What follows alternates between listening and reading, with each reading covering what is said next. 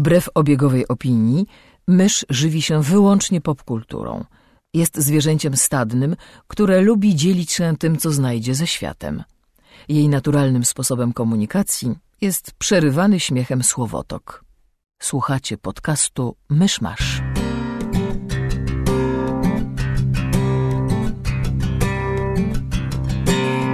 Gospodarzami podcastu Myszmasz są Krzysiek Cera, redaktor portalu Avalon. Kamil Borek ze studia Kobart. i Mysz, autorka bloga Mysza Mówi. Drodzy słuchacze, jest poniedziałek 6 lutego 2017 roku, urodziny Boba Marleya. Zapraszam do 170 odcinka podcastu Myszmasz. Żadna kobieta, żadnego krzyku. Skoro tak mówisz. Google Translate No Woman No Cry. Newsy! Zacznijmy od newsów. Dobrze, zaczynamy od newsów. Jakie były newsy? E, No chyba taki w naszym świadku najgłośniejszy news był taki, że Ben Affleck nie wyreżyseruje Batmana, co oznacza, że będzie w Batmanie pełnił rolę tylko Dekoracyjną. e, głów- głównego aktora, współproducenta, współscenarzysty, e, współscenografa, osoby od kanapek, oświetlenia. Najdziwniejsze było tłumaczenie, bo tłumaczenie zasadniczo było takie, że, że byłoby mu ciężko reżyserować w kostiumie. Naprawdę? Te, tej kwestii nie widziałem. Tak, widziałem, że, że, że kwestia była taka, że no, musiałby między scenami reżyserować w tym kostiumie, który jest dosyć nieporęczny i niewygodny i jakby jak kończysz scenę, to już jesteś wyczerpany i lekko szalony i że nie da się w takich warunkach potem wykonywać żadnej kreatywnej pracy. Okej, Że to- można, że jak zagrasz, no to zagrasz scenę i na koniec padniesz i pójdziesz do trailera, a jak musisz reżyserować, to na tym się nie kończy. No nie, to, ja- to ja widziałem tylko, że woli się skupić na roli aktorskiej. E, Natomiast e, jest, e, jest teoria w internecie, że jego najnowszy film nie tylko nie, nie spodobał się krytykom, ale i nie sprzedał się widowni i że Warner Brothers, widziałem taką sumę, Warner Brothers mogą na nim stracić 75 milionów i że to mogło troszkę podkopać e, wiarę Afflecka w jego umiejętności. No tak. No, ja miał parę, parę dobrych filmów, ale ale tak nikt, nikt nie był przekonany do tego Batmana, jakby on chyba, bo oni zapowiedzieli, że on będzie reżyserował Batmana zanim BVS miał premierę. To, to był ten, ten krótki, to, to krótkie okno, kiedy Warner był bardzo podekscytowany, bo pierwsze pokazy poszły bardzo dobrze, a potem była premiera i wszyscy ten film zjechali, ale już zdążyli ogłosić, że Ben Affleck będzie reżyserował, bo i że Ben Affleck jest w ogóle najlepszą częścią tego filmu i, i że świetnie zagrał Batmana. A potem, potem przyszły recenzje BVS-a i może, może w sumie dobrze, że Afflecka od tego odsunął, przynajmniej, przynajmniej nie będą po nim jechali, jeśli ten film się okaże klapą, a na razie biorąc pod Tak, uwagę. po, tak, po takie wróżby i podsumowanie, co jest nie tak z tymi wszystkimi produkcjami, odsyłamy do filmu Ichaboda, który podsumował, jak bardzo źle to wszystko wygląda. Nie będziemy już po nim powtarzać. Tak, więc no, przynajmniej, przynajmniej jeśli Ben Affleck będzie tylko grał Batmana, to jest szansa, że przynajmniej wszyscy powiedzą, no film był kijowy, ale Ben Affleck znów zagrał fajnie Batmana. I to jest jed... najlepsze, na co on może liczyć w tym momencie. E, Zmieniając format ekranu i wydawnictwa, podano aktorów, którzy zagrają główne role w serialu Runaways, który będzie na podstawie komiksu Runaways Briana Cavona, o którym mówiliśmy w podcaście parę razy. ten serial powstaje. Tak, ja też. Bo to ma być, szczególnie dlatego, że to ma być na którejś stacji, która jeszcze nie ma żadnego Marvelowego serialu. To nie ma być na Freeform, czyli byłem ABC? Nie wiem, może. Na Freeform to ma być Cloak and Dagger. A, tak, to, to dlatego mi się pokiśkało. Marvel się teraz rozplezł po telewizji. No właśnie, no i teraz jakoś... Tak. E, Do tego stopnia, że już nawet tego nie ogarniam, czy to ma być niby częścią MCU, czy to ma być coś zupełnie osobnego, nie wiem. Wiem. Ale zdaje się, że to będzie jedna z tych seriali, gdzie nie mają praw do mutantów, No, czyli z zasady, te, no, czy Marvel Television, że no, dobra, no, no, Legion jest Netflixowe, no. koprodukcją. Nie, ale jakby Netflixowe seriale są jakby. A rzecz nie, bo one też odnoszą się do filmów, a filmy No. nie odnoszą się do nich. No. w sumie żaden, żaden z tych seriali telewizyjnych nie ma nic No tak, ale, ale wszystkie twierdzą, że, że są No w tak. kinowym uniwersum, znaczy wszystkie. wszystkie agenci i Netflixy. Tak, tylko że to jest takie, jak ja bym mówił, że znam Brada Pitta. Można się, że takie chwalenie się, bo gdzieś się otarli o niego na jednej imprezie. I to, to wszystko. Okay. No w każdym razie pokazano tę e, szóstkę bodajże aktorów. E, niestety nie podano, kto będzie grał w Raptora, więc jestem rozczarowany. A... Jak to kto? Vin Diesel. Nie, ten Frank Welker? Weller? Nigdy nie pamiętam. Ten, który podkłada głosy do wszystkich koni w animacjach Disneya i, i jest głosem... Czekaj, zawsze to kręcę. Um, kto jest przywodzony do Decepticonów? Megatron. Megatrona jest głosem Megatrona chyba. To znaczy, mówisz to chyba po raz piąty w tym podcaście i jeszcze nikt cię nigdy nie poprawił, więc chyba masz rację.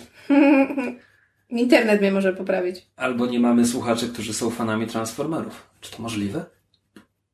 W każdym razie pokazano, pokazano szóstkę młodych aktorów e, w wieku od pasującego do postaci do takiego hollywoodzkiego castingu, jak w Dawson Creek i w ogóle. Tam bodajże jeden z aktorów ma 24 lata i będzie grał 17-latka, bo czemu by nie? Ja się dziwiłem, że y, ten aktor, który gra Arciego ma 19 lat. Tak. To jest naprawdę... Ojejku, jakie bobo! No właśnie, to prawie blisko tego, znaczy najbliżej jak się da ekranowego wieku, no prawie, żeby było legalnie. To, tak, żeby było to, legalnie. Chyba, to chyba tylko MTV w Teen Wolfie ma bardziej aktorów zbliżonych wiekiem do postaci i to też tak. No, że dalej nielegalnie. Nie, nie o tym chodziło. No, że przynajmniej skończył 18 lat. E, w każdym razie... Nie wymagał opieki rodzicielskiej na planie. W każdym razie pokazano tę szóstkę młodych aktorów, co będą grać w Runaways. Oczywiście nie znam nikogo, no bo to jakieś szczyle z seriali młodzieżowych, których nie oglądam. E, natomiast e, wizualnie przynajmniej połowa z nich pasuje bardzo. A więc tak, to w zasadzie tyle. No, serial się robi. Zasadniczo mówię, wspominam o tym newsie, dlatego że on mi przypomniał, że ten serial w ogóle powstaje, bo zdążyłem o tym zapomnieć pięć razy. Hmm.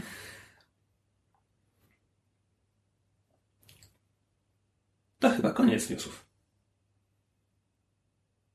Znaczy, przez przypadek o tym wspomnieliśmy, ale powstaje serial Cloak and Dagger na w, w antenie to znaczy, Freeform i pokazali też aktorów. Racja, tak, bo to znowu jest coś takiego, co powiedziano parę miesięcy temu, a teraz pokazano parę aktorów. Um, ja ich nie kojarzę. Wy ich kojarzycie? Ja w ogóle nie kojarzę komiksów, więc... Wiesz co, Cloak and Dagger to jest taka seria, która... Znaczy, to jest tak, to jest seria, natomiast to jest seria, z którą e, bardzo często scenarzyści nie wiedzą, co robić i oni przez ostatnie dużo lat byli relegowani do jakichś występów gościnnych, czy ewentualnie okazjonalnych miniserii. E, chodzi o to, że to jest para nastolatków, którzy zostali porwani i podano im eksperymentalne narkotyki. I te mm -hmm. eksperymentalne narkotyki albo dały im moce, albo obudziły ich moce, gdyż albowiem tu jest takie e, albo, albo dość często, parę razy przynajmniej pojawiał się wątek, a może Cloak i Dagger są mutantami. No i najnowsza wykładnia komiksowa jest, nie, nie są. E, ale to, to, to, nie przeszkodziło im przez moment należeć do X-Men, e, więc tak. E, no, i oni, e, ich komiksy skupiały się na tym, że ponieważ oni oni chyba uciekli z domu, a potem zostali porwani poddano ich eksperymentom. W każdym razie oni żyją, wiesz, w jakimś... W jakimś o, o... Na marginesie społeczeństwa. Tak, tak, nie wiem, na strychu kościoła, mają przyjaciela księdza i pomagają dzieciom w, w, w opałach. E, dlatego na przykład mają występ gościnny w Runaways, mhm. bo jakby to pasuje do ich, e, do ich profilu. Mm, no. To może to będzie ta Weronika Mars, na którą ja czekam. Bo niestety Riverdale obejrzałem drugi odcinek. Znaczy, y, to, to, jest fajny serial i pewnie będę go dalej oglądał, ale to ale jest... Ale ma więcej Gossip Girl. Tak, to jest teen drama przede wszystkim, a tam jakiś wątek kryminalny bardzo, bardzo z tyłu. Nie no, musimy się pod względem Veroniki Mars pośrednio spełniać w iZombie, no. Co nam pozostało? Ale skoro mamy takie nawiązanie, możemy przejść do omawiania pilotów e, seriali nowych, które się pojawiły, bo w jednym, w jednym z nich będzie grał, właśnie przed chwilą sprawdziłam na Wikipedii, Ryan Hansen, którego znamy z Veronica Mars. Który to? Który to? E, e, Dick. Dick Casablancas? Yep. Okej. E, I on będzie grał w, a, znaczy gra, bo jakby e, myśmy obejrzeli tylko pilota, natomiast ponieważ jest to serial Netflixa, pojawił się już w całości, mianowicie serial Santa Clarita Diet. Em, twórcy, który się nazywa Victor Fresco, Fresno? Hmm. Nie wiem. Fantastyczna pamięć, trzy minuty temu to sprawdzałam. E, w każdym razie twórcy odpowiedzialnego między innymi za Better Off Ted, e, Sean Saves the World, e, My Name is Earl i tak dalej. E, I Santa Clarita Diet jest czarną komedią o ym, rodzinie z przedmieść Kalifornii, która musi sobie poradzić z tym, że matka rodziny nagle się staje zombie. Ale takim jakby high functioning zombie, to znaczy jakby nie zaczyna się... Again, widzieliśmy tylko pilota. Nie zaczyna się jakby rozkładać, natomiast Ale nie bije jej się- serce, jest Tak. tak. nie ma żadnych oznak życia i ma łaknienie e, mięsa. E, I dość jakby, takie- i, tak, i, do, i do, do głosu dochodzi jej id, że ponieważ była do tej pory taką typową trochę, trochę strachliwą żoną właśnie z przedmieść, e, taką, która próbowała mieć spokojne, spokojne życie i nikomu nie wchodzić w drogę, a w momencie, kiedy stała się tym zombie, to e, kontrolę nad nią przejmuje właśnie id i każda, każda jej zachcianka musi zostać spełniona niemal natychmiast. Znaczy no tak, no po, zostaje pozbawiona tych inhibitions. Inhibicji. Zahamowań. Zahamowań, o. Dziękuję. Inhibicji? Nie wiem, czy jest takie słowo. E, I staje się właśnie taka bardziej swobodna i, i, i żywiołowa i daje dochodzić e, do głosu tym swoim em, bardziej podstawowym e, pragnieniom i instynktom. W głównych, w głównych rolach w, w roli tejże właśnie żony mamy Drew Barrymore, e, a w roli jej męża, który musi sobie z tym całym cyrkiem poradzić, jest Timothy Oliphant, między innymi z serialu Justified. E, I ja byłam pilotem zachwycona, to znaczy dawno nie pamiętam, żebym, żebym się tak szczerze śmiała. Jest to, znaczy był to dość em, obrzydliwy odcinek, to znaczy twórcy moim zdaniem bardzo się postarali, żeby ten element em, jakiegoś takiego właśnie horrorowego em, czarnego humoru się tam pojawił. elementy groteski po prostu, żeby... Tak, ale nie spodziewałam się, że to będzie aż takie. To znaczy, tam jest na przykład scena, że tak powiem, kiedy bohaterka em, po, po raz pierwszy widzimy e, objawy, które zaczynają wskazywać na to, że coś się z nią dzieje i e, cała łazienka zostaje zapaskudzona. Jest to scena, jak w ogóle egzorcysta przy tym może się schować. Jest scena, kiedy ona e, w- pewnym momencie przestaje nad sobą panować i napada na kogoś i mu odgryza część ciała i twórcy jakby bardzo wyraźnie pokazali efekty, znaczy w sensie nie, że te efekty były widoczne, że były komputerowe czy niewiarygodne, ale jakby to takie, trochę mi się skojarzyło z Evil Dead. To jest ten taki poziom właśnie czarnego humoru Może. slash groteski. E, i, e, ale z tego co słyszałam, jakby później, później jest tego mniej. Rozmawiałam z, z, z osobami, które już jego oglądały dalej. I strasznie mi się to podoba, bo to jest taki właśnie niby to różowe, cukierkowe, kalifornijskie przedmieście, gdzie główni bohaterowie są e, realtors, e, sprzedawcami, Agenci nieruchomości. agenci nieruchomości, właśnie, dziękuję. E, i, i, I mieszkają obok wścibskich sąsiadów i jakby mają takie normalne problemy, tam dorastająca córka. I potem jest ten cały element zombie, tego jak to wpływa na ich relacje, prawda, na to, że ta żona się teraz zmienia, jest kim innym, jak ten mąż na to reaguje.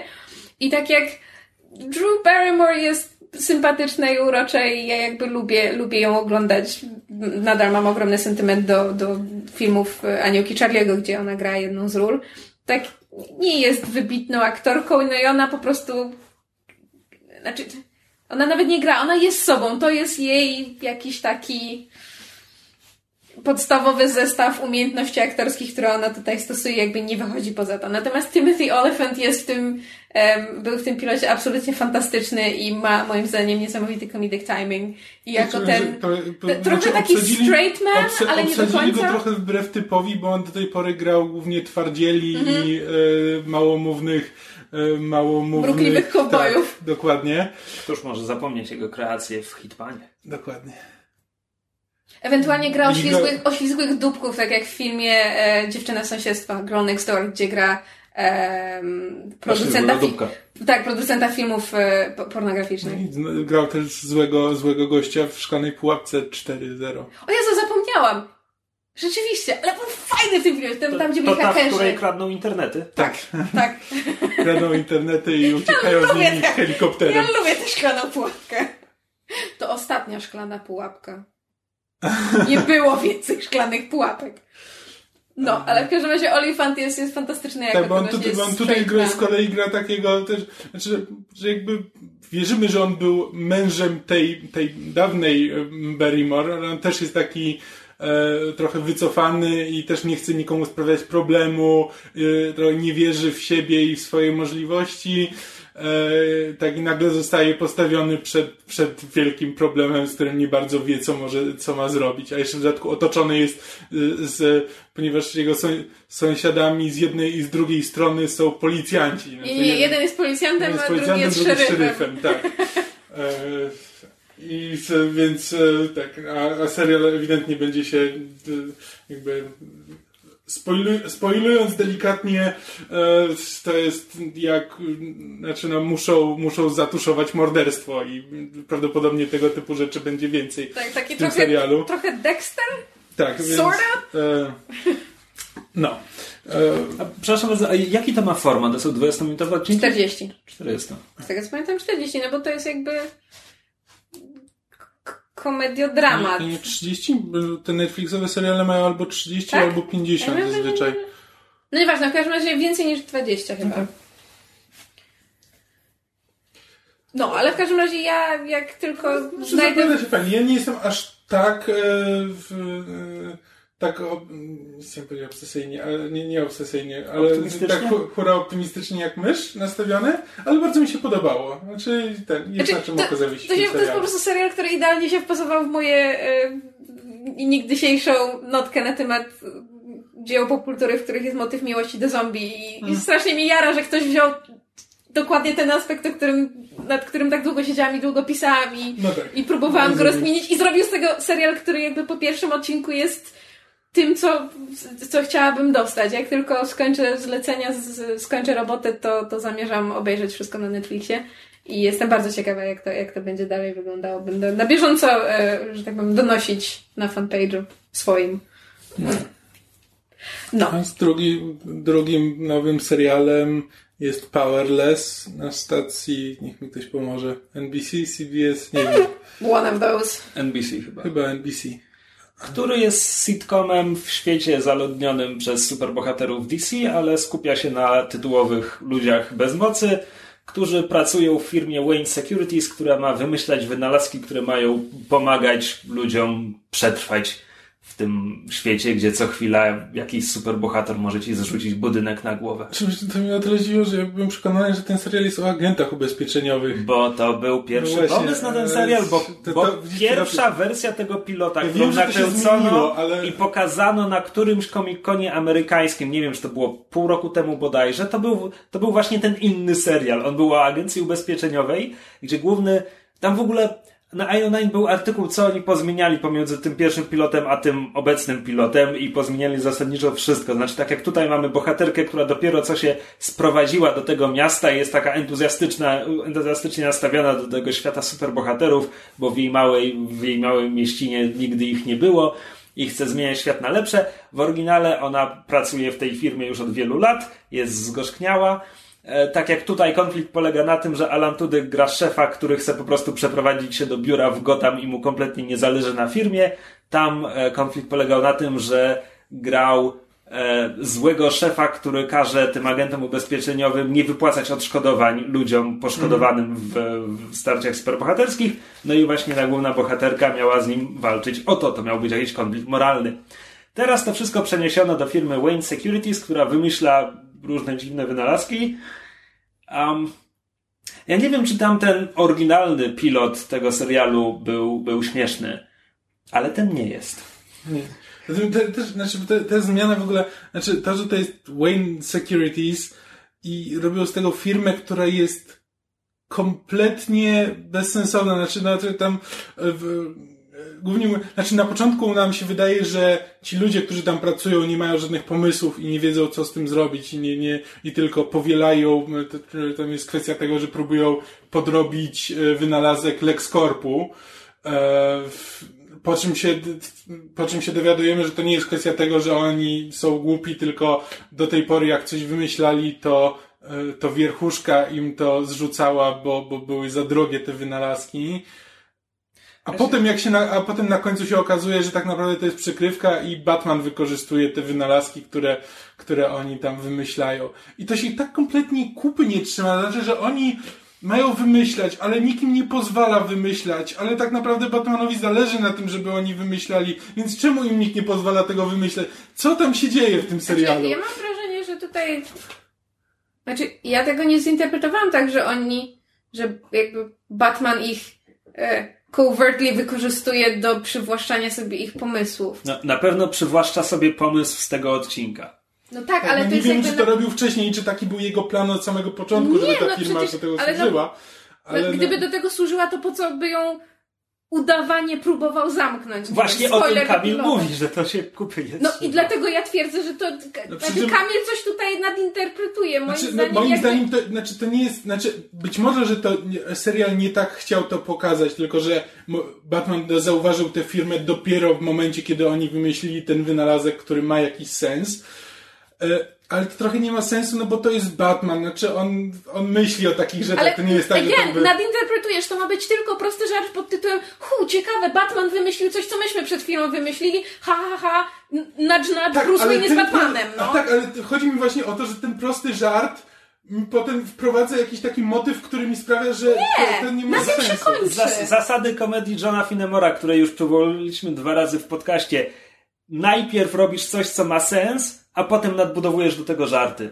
Ale, ale dlaczego wy porównujecie pilota do Powerless do czegoś, co robi John Finnemer, który jest genialny w pisaniu komedii w momencie, kiedy... No właśnie dlatego, bo on robi dobrą Tak, komedię. Czemu mamy, czemu mamy przyjmować, że a to jest głupia komedia, więc wszystko co robi może To znaczy, być głupie okej, i bezsensowne. jesteśmy, jesteśmy w świecie, który, który nam mówi, że w tym świecie Bruce Wayne jest kimś, kto się wykłóca ze swoim kuzynem o, o to, że korzysta z jego hasła do HBO Go.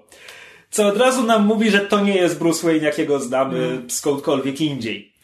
E, tylko, że Znaczy, wiesz, to, to też można wytłumaczyć tym, że e, Bruce, Bruce Wayne, znaczy, no, Batman udaje Bruce'a Wayne'a, więc jako Bruce Wayne może się kłócić ze swoim kuzynem o hasło na HBO Go. Ale na miłość boską! Bo to Batman jest część i Bruce jego Wayne alterego. są tylko ludźmi. Ludzie się czasami kłócą o durne duperele. Tak jakby w komiksach i w animacjach i w filmach o Batmanie nie było throwaway żartów pod tytułem e, ja, przestań używać mojego hasła do HBO Go. No, mam wrażenie, że się czepiacie dziwnych małych to szczegółów. czepiam się e, małych szczegółów, dlatego że obejrzałem te 20 minut i mam poczucie, że straciłem 20 minut życia.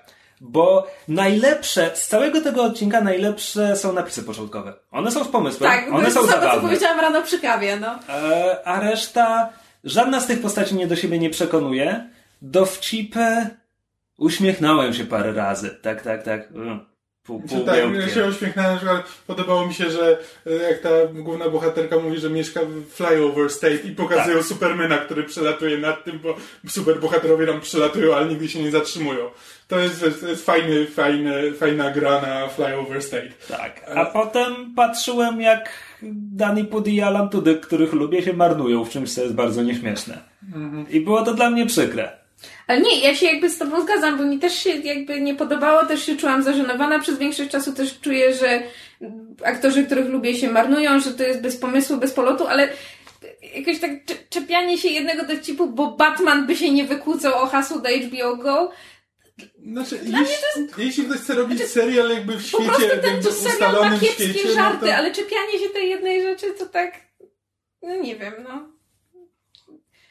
Ten, No dobrze, ten pilot ma więcej, więcej No, wad i błędów tak. niż tylko to. Może w ten sposób. That's only the beginning of its problems. Nie, więc ja bym wolał obejrzeć Znaczy, tamtego pilota z Comic-Conu, bo tam to przynajmniej brzmiało jakby był na to pomysł. Tak, znaczy, bo najgorsze jest to, że The Office, tylko z superbohaterami. Żarty jakby w żaden sposób nie wynikają z fabuły. Znaczy, każdy, każdy żart, który tam pada, to są takie Sitcom- typowe, sitcom basics. typowe sitcomowe, tak, że ktoś ktoś mówi komuś, że go lubi, a potem jak nie patrzy, to, to, to tak naprawdę się krzywi. No, tego to było jakieś po prostu takie głupie żarty, które nie mają nic wspólnego z tym, co się dzieje na ekranie, tylko są jakimiś, są, wychodzą z tych jednowymiarowych postaci, że jedna postać jest niemiła dla innych, druga postać jest w, w dorosłym dzieckiem i Tudek jest e, złym szefem, a Vanessa Hudgens jest Disneyową księżniczką, która przewodzi temu, temu cyrkowi. No. Jeszcze szukając zalet, e, sekretarka Van Wayne'a ma, ma parę dobrych scen. Jeszcze co ma? Ta, ta, ta, ta sekretarka Van Wayne'a, nie pamiętam jak postać się nazywa. Ona mi strasznie przypomina Hope Davis z wyglądu. Aktorka nazywa się bodajże Christina Kirk. Wiem, ale jakoś tak... Tu, tu miałem o tyle problem, że o ile podobały mi się jej teksty, to bardzo mi się nie podobało jakby delivery, to, to, to, to jak, jak ona, to jakoś po prostu aktorka na mnie nie zrobiła wrażenia, że jakby A to postać ma parę znowu, e, tekst na IO9 mówi, że ona jest kompletnie przepisana, że w oryginalnej wersji ona była fangirl superbohaterów i że była kompletnie inna. Mhm. E, I jakby te, tekst podkreśla, że aktorka jest, wiesz, ma duży, duży ten rany boskie, jak się mówi, nie zasiłk umiejętności, paletę, nieważne. Nieważne. To było, backlash. To było, backlash umiejętności. To było strasznie nieśmieszne i ja nie wiem, czy będzie mi się chciało się ugać po drugi odcinek. Nope. W Outpie. Czy to było przede wszystkim bez pomysłu. Po prostu widać, że jakby potem przepisali... Oni mieli pomysł. Ja nie wiem... No chyba, że puścili tam tego pilota na komikonie i widownia reagowała tak jak my teraz. I, I dlatego spanikowali, przepisali wszystko i wyszło to samo lub gorzej. Hmm. No, szkoda. To ja się mogę wstrzelić z czymś kompletnie innym. To znaczy ze scjentologią. Bo przeczytałem e, reportaż Lorenza Wrighta pod tytułem Droga do wyzwolenia. Scjentologia Hollywood i pułapki wiary wydany przez wydawnictwo Czarne jakoś dwa lata temu bodajże. Taki, że tak powiem, e, w, w miarę na bieżąco ze, ze stanem scjentologii był. E, jest to gruba cegła na, na pół tysiąca stron z hakiem, a ponieważ jest o scjentologii, więc autor dodaje potem 60 stron przypisów, wszystkie źródła i tak dalej. To jest zresztą piękne, bo opisuje e, opisuje życie Habarda, opisuje życie Davida Miscavigea, który jest obecnie zwany prezesem, jest no oficjalnie on nie kieruje scjentologią, ale to on kieruje teraz scjentologią od śmierci Habarda. wink wink. E, I tam jest piękne, bo kilkanaście razy przynajmniej pojawia, pojawiają się opisy, że on ma jakieś ataki psychotyczne i bije swoich podwładnych i za każdym razem jest do tego gwiazdka, podpis, E, rzecznik Scientologii zapewnia, że e, pan Miskawicz nigdy nie stosował przemocy fizycznej wobec swoich. No tak. I tych przypisów jest dosłownie, nie wiem, ze 20 i 14 brzmi e, jeszcze raz, rzecznik jak zwykle zapewnia. Scientolodzy mają historię pozywania kogo się tylko da za cokolwiek, co jest choć w najmniejszym stopniu negatywne. Tak. Natomiast to jest bardzo, bardzo rzetelny e, reportaż, który zajmuje się scjentologią na bardzo wielu poziomach. Z jednej strony to jest takie streszczenie biografii Habarda i potem Miskawidża, E, ale również wielu innych e, obecnych i byłych, czy, czy zmarłych już scjentologów e, i, i historię ich życia i ich związek z Kościołem. Z drugiej strony jest to właśnie historia samej scjentologii, tego jak powstawała, tego jak Hubbard najpierw stworzył dianetykę, czyli tę swoją szkołę myślenia o ludzkim umyśle i, i zachowaniach i społeczeństwie, jak to potem wyewoluowało w scjentologię, jak scjentologia potem wyewoluowała ze szkoły myślenia w, religię. E, jest oczywiście historia absolutnie wszystkich kontrowersji, e, jakie tylko można e, sobie przypomnieć w związku ze scjentologią. E, Katie Holmes? Wiesz co, nie, akurat to nie. Hmm. E, bo o ile, o ile związki scjentologii ze, z celebrytami są, głównie na, na przykładach Toma Cruza i Johna Travolty. A, myślałam, że Will Smith. Will, Will Smith jest, że tak powiem, zbyt nieważny, żeby tam... E... Tam on jest względnie normalny. Will Smith mało o tym mówi chyba publicznie. Tak, do tego stopnia, że ja siedem razy się do tej pory dowiadywałam, że on jest w scjentologach i za każdym razem mnie to dziwi, bo wydaje się taki normalny. Jason Lee też. Och, to mi złamało serce, Prawda? jak się dowiedziałam o Chryste. Mind blown. W każdym razie, kiedy mówię, że to że jest rzetelny, to właśnie zmierzam do tego, że Wright owszem opisuje te wszystkie bzdury. Gwiazdka. Gwiazdka. Wright opisuje to jako bzdury. O, właśnie. E, z, z, z drugiej strony opisuje wszystkie te działania Scientologii jako organizacji, które są przestępcze, to znaczy nachodzenie ludzi, e, stosowanie przemocy fizycznej i psychicznej wobec nich. Oni mają swój własny obóz pracy karnej.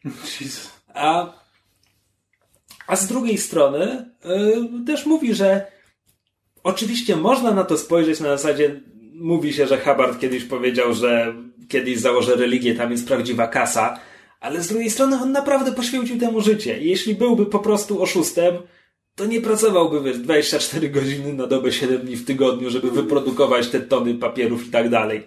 Bo można to zrobić w prostszy sposób. I tak samo mówić też o tych innych synologach, że gdyby oni byli po prostu oszustami, to nie poświęcaliby się temu aż tak. A z drugiej strony oczywiście jest też mnóstwo ludzi, którym scjentologia pomogła, którzy mówią, że poukładało im to życie i tak dalej, że wiele jej zawdzięczają. No i nie można tego zakwestionować tylko pod względem tego, że dali się omamić czy coś. No bo jeśli im to naprawdę pomaga... No, tak, no religia jakby... zasady jakby jest od tego, żeby pomagać ludziom, nawet jeśli to jakby... Tak, tylko tutaj oczywi oczywiście jest, nie, jest ale... kontrowersja, że w, papierach założycielskich scjentologia jest e, nauką, to jest wszystko na rozum, tam mm. niczego nie przyjmujesz, na wiarę. E, poza Lordem Ksenu i historią jego upadku w Konfederacji Gwiezdnej 75 milionów lat temu, to musisz przyjąć na wiarę. Ale poza tym to jest nauka. Nie, no to przecież wszystko jest z źródeł jakby udokumentowanych i spisanych przez Habarda. Tak, tak. Dokumentacja źródeł scjentologiczna też pojawia się w pewnym momencie. E, tak, no bo Hubbard był człowiekiem ogromnej wyobraźni, którą to wyobraźnię stosował również do swojego życiorysu, z tego co Wright zdołał ustalić. E, to znaczy, poza jednym papierkiem, którym dysponują, e, dysponują scjentolodzy, nie ma żadnych dokumentów, które potwierdzałyby na przykład, że Hubbard był bohaterem wojennym, który został ciężko ranny w, czasie II wojny światowej, ale potem uleczył się za pomocą dian dianetyki. E, w każdym razie, tak, więc to jest,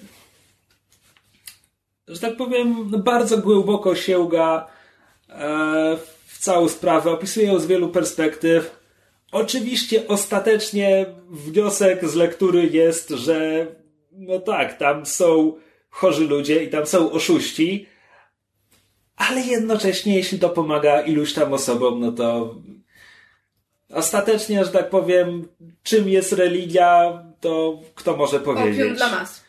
Eee, amerykański urząd podatkowy może powiedzieć, bo to decyduje, że scjentologia jest zwolniona od podatków. No tak, no, ale na, na tym zasadzie każdy kult się na tym opiera, że rujnuje ludziom życie, a jak zapytasz tych ludzi, czy mają zrujnowane życie, to ci powiedzą, że nie, wręcz przeciwnie, teraz dopiero odżyli e, i to jest, to jest ich prawdziwe, to jest ich prawdziwe życie, a wszystko, co było do tej pory, to było kłamstwo. No. I dlatego mamy na Facebooku grupę kult, kult, kultury komiksu, tak? Ha, ha, ha. Made a joke. Przepraszam. Ostatecznie, jeśli interesuje Was scjentologia, w sensie chcecie się czegoś o niej dowiedzieć, nie że chcecie wstąpić, e, znaczy, nie, inaczej, jeśli chcecie wstąpić, to tym bardziej to przeczytajcie.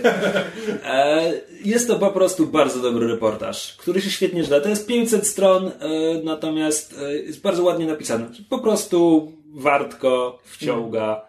E, strasznie fajna jest właśnie ta wielorakość perspektyw, bo on skacze pomiędzy życiorysami kolejnych ludzi. E, plus no, na zasadzie nawet na poziomie takiego, że tak powiem, pudelka jest to ciekawe, no bo Paul Haggis jest tam, bardzo często się pojawia jako ktoś, kto był scjentologiem przez 35 lat, potem ją mocno krytykował, jak w końcu przejrzał na oczy. On sam tak to opisuje. E, no, więc tak powiem, ludzie, ludzie z Hollywood są tam na, na co drugiej stronie i no jest to po prostu ciekawe. Jak, jak ktoś jest zainteresowany tematem, a nie ma czasu na czytanie 500 stron, to ostatnio e, Nerdwriter e, miał na swoim kanale wideo o metodach stosowanych przez scjentologów na przykładzie filmu The Master. No tak, albo można obejrzeć dokument HBO, który zakładam, że jest rzetelniejszy od Nerdwritera. Aczkolwiek trzeba poświęcić wtedy tak z godziny więcej. No tak. To chyba ja będę kontynuował, jeśli mogę. Możesz. Bo byłem na najnowszym dziele M. Night Shyamalana. filmie- Shamala Madingang. That's racist. E, na filmie pod tytułem Split, który, jak możemy dowiedzieć się z plakatów filmu Split, jest o chorym psychicznie człowieku, który ma 23 osobowości, a teraz pojawiła się 24. E, tego człowieka gra James McAvoy. Jeśli nastawiacie się na popis aktorskiej wirtuozerii, bo McAvoy zagra 24 różne role, od razu wam powiem y, nie, bo 20 z tych tożsamości jest stłamszonych, więc McAvoy gra 4 role. Co wciąż jest w miarę imponujące, ale nie aż tak. Nie nastawiajcie się na zbyt wiele. E, I film zaczyna się od tego, że poznajemy jakieś dwie przyjaciółki. Jedna z nich właśnie miała imprezę urodzinową czy coś takiego. I już wszyscy się rozeszli, poza jakąś jedną dziewczyną z jej klasy z szkoły plastycznej, która jest dziwna i nikt jej nie lubi, ale zaprosiła ją na imprezę, bo głupio byłoby jej nie zaprosić. I teraz nikt po nią nie przyjechał. E, więc jej ojciec oferuje, że odwiezie całą trójkę gdzieś tam. No i wsiadają do samochodu i w tym momencie atakuje McAvoy. I zamiast, e, zamiast ojca do samochodu wsiada McAvoy, psika te dziewczyny jakimś gazem, który je usypia i je porywa. I zamyka je gdzieś. Więc mamy tutaj nasze trzy bohaterki, z których jakby dwie się znają i się lubią, a trzecią kojarzą i jej nie lubią, trzecia jest trochę dziwna. Wkrótce się okaże, że to właśnie trzecia jest naszą główną bohaterką w tym filmie. W zasadzie są trzy główne postaci w tym filmie. Więc jest, e, jest ta, ta, ta dziewczyna, Casey. E, Jest McAvoy, który gra zasadniczo nazywa się Kevin, ale tożsamości, z którymi mamy głównie do czynienia to Denis, e, pani Patricia i, i Hedwig. Hedwig jest dziewięcioletnim chłopcem.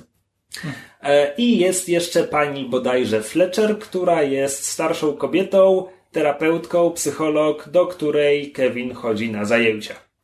Czy raczej Barry, bo Barry jest dominującą osobowością e, i to on zazwyczaj kieruje życiem Kevina.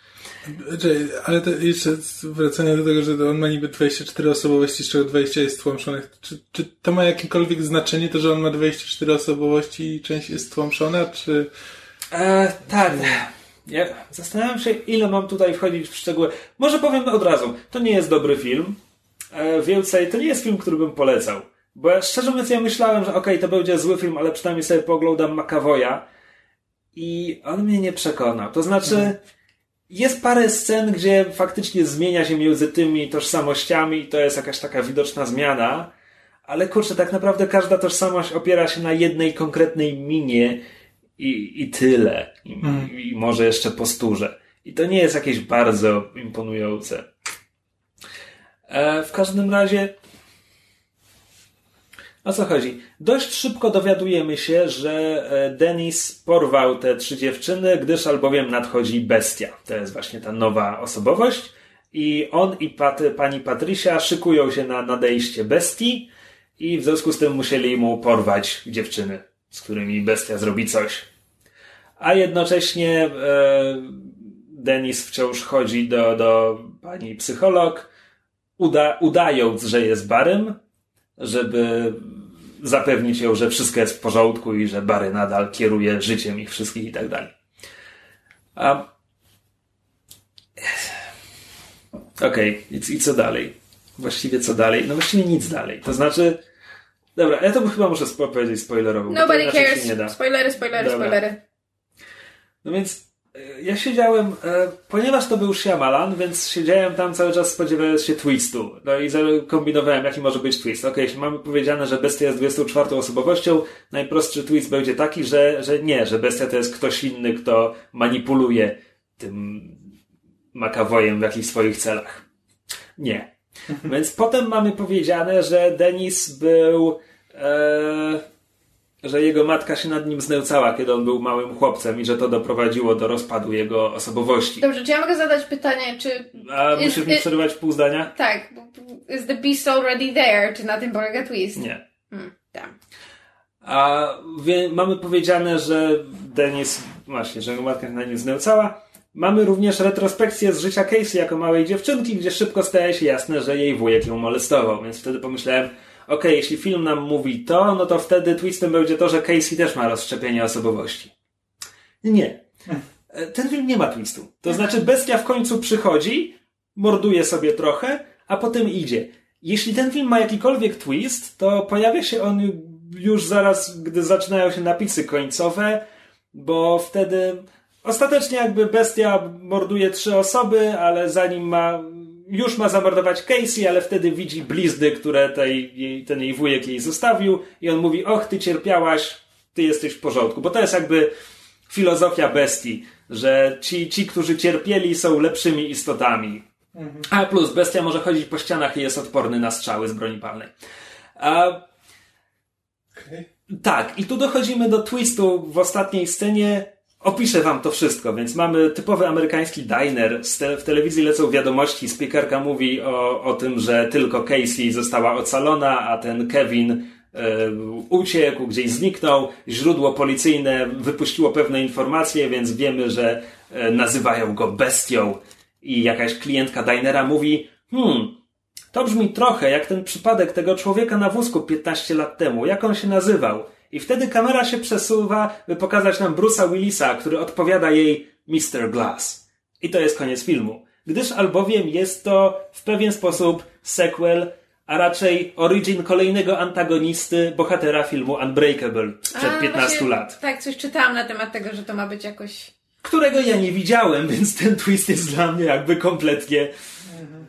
Ja wiem, że... Znaczy, ja, czy, właśnie chciałem, chciałem o to zapytać, tylko czekałem aż dojdziesz do końca, bo właśnie wyczytałem, że to jest, że to jest jakby taki spin-off sequel do, do Unbreakable. To znaczy, właśnie. Y, że tak powiem, mi to dało o tyle, że w momencie, kiedy ostatnia scena mi mówi, że jesteśmy w świecie komiksowego superbohatera, który nie pochodzi z komiksów, no bo jest oryginalnym dziełem Shyamalana, no ale wiemy o co chodzi, więc wtedy ja mogę przymknąć oko na, na wiele, mogę przymknąć oko na bullshitową naukę, która jest bullshitowa już na poziomie tego, jak pani psycholog mówi o, o tym dysocjacyjnym e, zaburzeniu osobowości. Właśnie.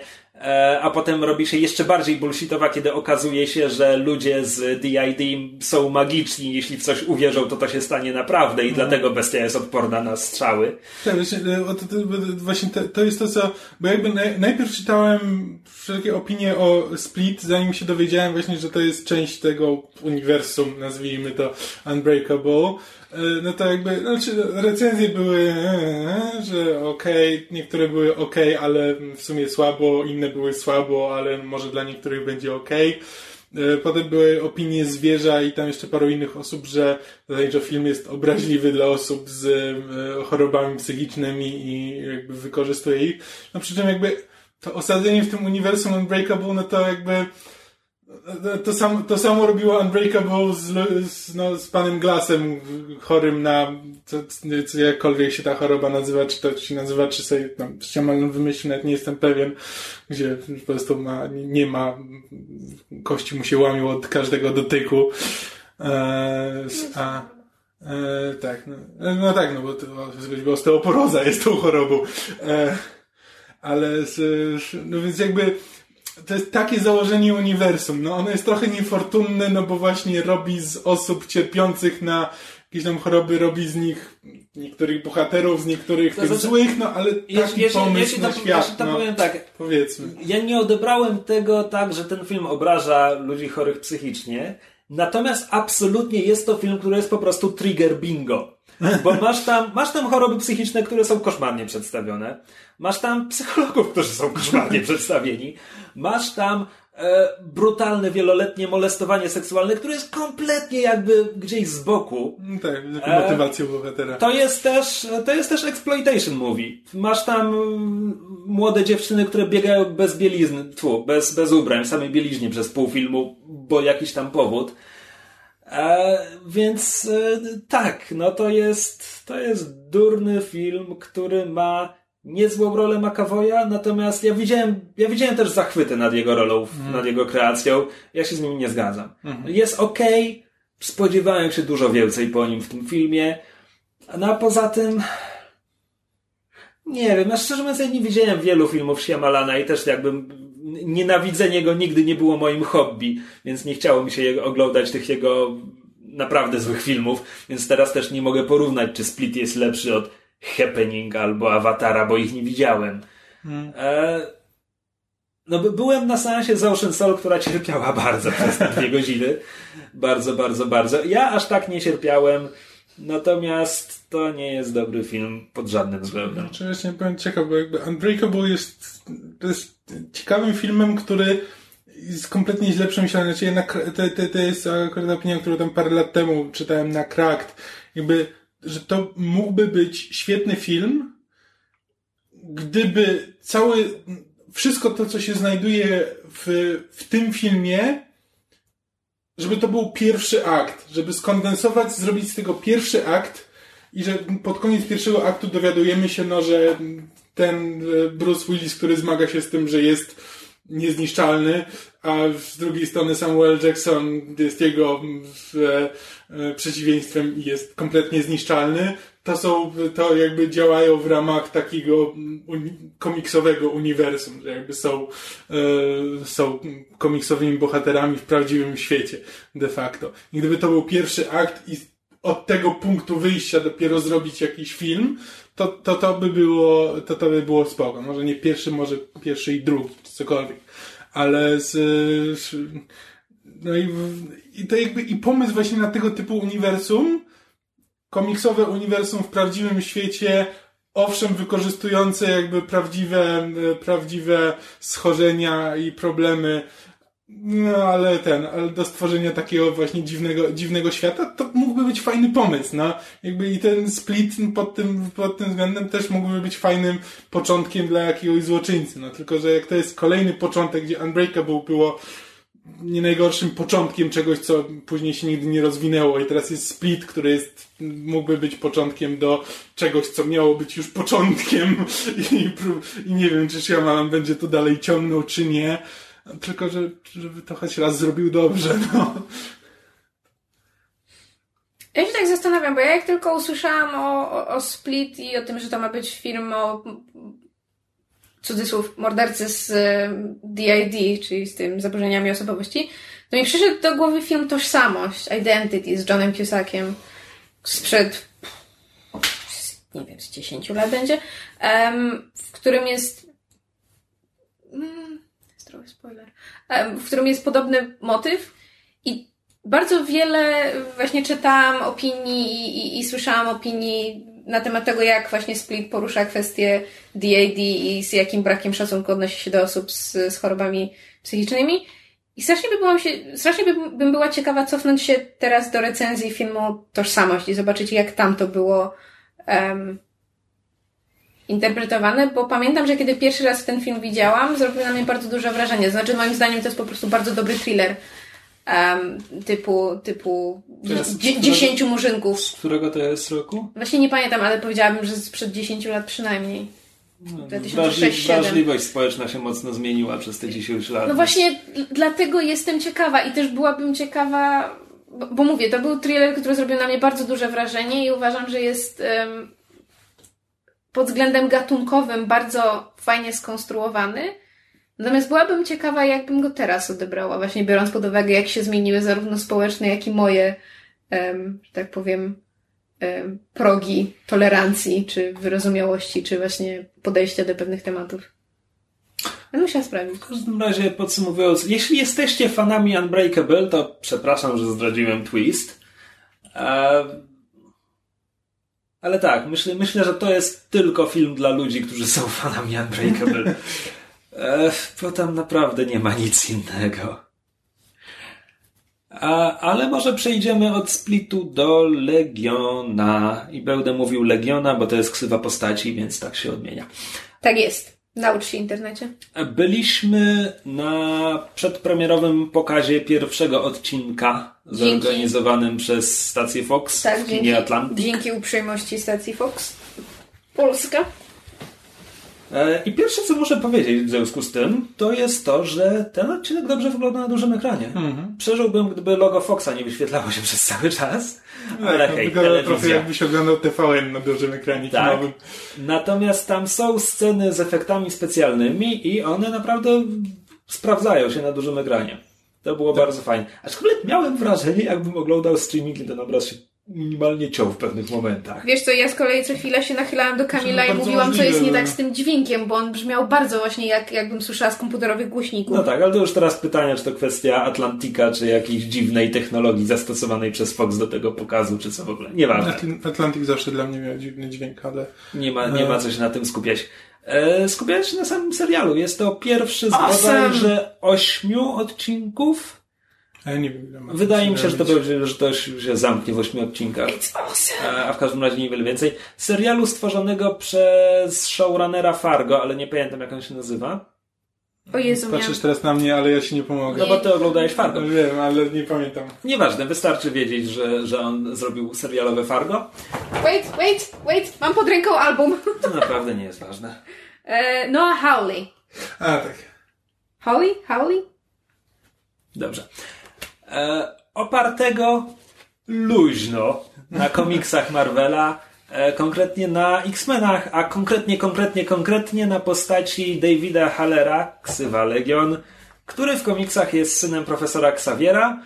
E, I co mogę nim powiedzieć? Stworzył go Chris Claremont gdzieś w latach 80. E, David Haller ma problemy psychiczne dość niesprecyzowane. To znaczy, Claremont posługiwał się właśnie tym tam. No, ja- jak, jak się DID nazywało wcześniej? No, ale jeszcze wcześniej. Rozdwojenie- Rozdwojenie tak, tak, po prostu. tak. Posługiwał się terminem rozdwojenie jaźni. Mam wrażenie, że ktoś potem jeszcze stwierdzał, że jest też autystyczny, bo, bo czemu nie? Bo już dorzućmy wszystkie słowa, które dobrze brzmią. Więc tak jakby to w komiksach nigdy nie było dobrze określone. Który jest potężnym mutantem, ale ma problem, bo w jego głowie żyje wiele osobowości.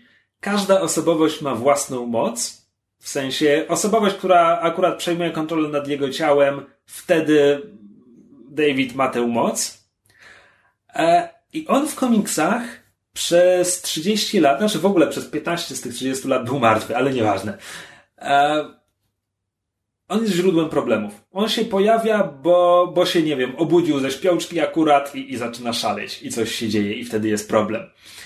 E, I wtedy New Mutants albo X-Meni muszą się tym zająć i coś się dzieje. Jakby jego najważniejsza rola, jego najważniejszy wpływ na, na historię X-Menów był taki, że kiedyś cofnął się w czasie, bo to też jest jego moc najwyraźniej, żeby spróbować zabić Magneto, bo miał wrażenie, że jak zabije Magneto, zanim Magneto stał się zły, to wtedy profesor Xavier nie będzie musiał zakładać e, X-Men i będzie miał dla niego więcej czasu i będzie wreszcie dobrym ojcem O, ale cofnął się tak daleko w czasie, że Xavier i Magneto byli jeszcze dobrymi przyjaciółmi i Xavier rzucił się, żeby zasłonić Magneto własną piersią, więc Legion zabił swojego tatusia, co po pierwsze doprowadziło do paradoksu i wymazało Legiona z istnienia.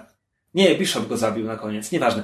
E, a po drugie i ważniejsze, doprowadziło do alternatywnej linii czasowej, w której Magneto zakłada X-Menów, to jest Age of Apocalypse. okej. I znowu, więc tutaj Legion jest bardzo ważny, tak? Bo to przez niego jest Age of Apocalypse. Tylko, że on kompletnie nie ma roli w tej historii. No. On po prostu jest przyczynkiem tych problemów. Jedyny tak naprawdę komiks, który stawia Legiona na pierwszym planie, to jest seria X-Men Legacy, konkretnie volume drugi, czyli druga seria pod tym tytułem, napisana przez Simona Spurriera. To się ukazywało dosłownie parę lat temu. Zakończyła się, nie wiem, 2-3 lata temu. Jest to jeden z najlepszych komiksów o mutantach z, z tego wieku. E, Jest bardzo dobry, to są 24 zeszyty i tam po prostu David jest głównym bohaterem. E, I na przykład Spurrier e, unikał nadawania jego problemom psychicznym jakiejkolwiek nazwy. Właśnie dlatego, że przecież to było tak źle opisane, że to w ogóle nie ma żadnego sensu, że to jest po prostu komiksowe schorzenie i nie ma, nie ma sensu się pakować w, w autentyczne terminy naukowe, no bo to jest pole minowe i jakby nic dobrego z tego nie wyjdzie. Rozpopranie jaźni. Tak. A z, a z drugiej strony też w tej serii że, Jajecznica. jakby, żeby, żeby David mógł być bohaterem, więc w tej serii bardziej nad sobą panuje. Więc pojawia się jakieś mnóstwo tych tożsamości, ale to są takie nie do końca pełnoprawne tożsamości. To, to są raczej takie stworki, które żyją w jego głowie ze swoimi różnymi mocami, które on może wykorzystywać. No bo to jest jedyny sposób, żeby David mógł być protagonistą serii, tak? No bo inaczej, jeśli on po prostu się zmienia ze sceny na scenę, No tak. no to nic z tym nie napiszesz. E, a mówię o tym wszystkim właśnie dlatego, bo, bo chcę powiedzieć, co scenarzyści wzięli z komiksów. Niewiele, Again. ale właśnie to podejście do Davida wydaje mi się, że jest z tej najnowszej serii, bo jakby w, w odcinku, no David Mann kontroluje siebie, więc e, jakby jest na pierwszym planie, jest sobą cały czas, nie licząc tej jednej sceny, nie wchodząc w szczegóły. E, natomiast jeśli chodzi o hi komiksową historię, o komiksową biografię, to oglądamy tutaj w świat, w którym ja nie wiem, czy w tym serialu profesor Xavier będzie jego ojcem. Szczerze w to, bo ja się zdziwię, jeśli profesor Xavier w ogóle istnieje w tym świecie. Bo jeśli w tym świecie istnieje profesor Xavier, Xavier nie ma sensu bez X-Menów, a ja się bardzo, bardzo zdziwię, jeśli w tym świecie są X-Meni. Bo ten pilot nic na to nie wskazuje. Znaczy nawet jakby same realia świata, który jest z jednej strony e, stylizowany na lata 60. i część technologii jest stamtąd, ale z drugiej strony też są takie bardziej Znaczy, tak. nowości technologiczne i to jest tak śmiesznie anachronistycznie połączone. Nasz świat w jest ogóle, bardzo tak, szpit, szpital psychiatryczny, w którym jest legend, to bardziej przypomina coś z e, wizji Terego Gilliama niż coś, co Mm. by funkcjonowało w rzeczywistym świecie. Takie bardzo prze, przestylizowane. Znaczy mnie to się bardzo podobało, ale... No, y, je, je, jego siostra, przecież ona, ona jest ubrana jak z żurnala z lat 60. Zresztą w ogóle, y, jak, nie jak mówiąc są o tym sceny- magnetofonie szpulowym, z którego Tak. korzysta Jak, psychiatra. jak są sceny, gdzie jest właśnie na przykład tam wi- większy tłum, to też widać, że to jest wszystko wystylizowane w, w taki, na takie lata 60. i też trochę Nie architektonicznie. no, chyba, że serial po prostu... e, Nie no...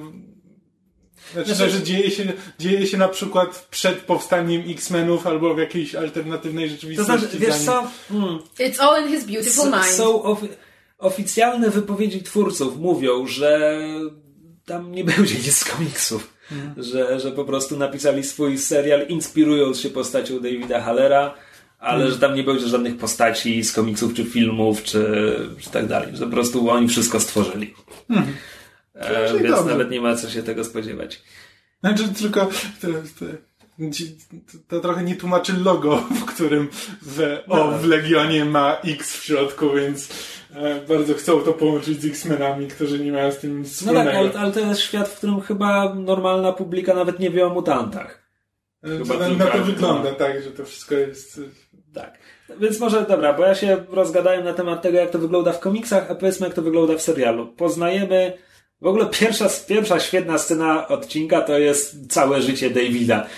Urywki od, od niemowlaka po, po stan współczesny, a stan współczesny jest taki, że po próbie samobójczej, po dziwnej próbie samobójczej znowu jest e, w szpitalu psychiatrycznym, ma lat około 30, ma w szpitalu psychiatrycznym swoją kumpelę graną przez e, Aubrey Plaza, Plazę. Plaza. E, i zakochuje się w nowej pacjentce Sid granej przez nie pamiętam kogo. E, już ci mówię, jak się nazywa aktorka. Rachel Keller. Tak, nie znam pani. E, a potem rzeczy robią się dziwne. Czy nawet dziwniejsze, bo już nawet na tym etapie wiemy, że jednocześnie oglądamy wydarzenia ze szpitala, a potem e, David komuś streszcza te wydarzenia w ramach jakiejś rozmowy, nie wiem, czy z psychiatrą, czy z kimś innym, więc mamy też przeskok w czasie. Do tego co jakiś czas mamy retrospekcję i w ogóle, więc to jest wszystko przemieszane.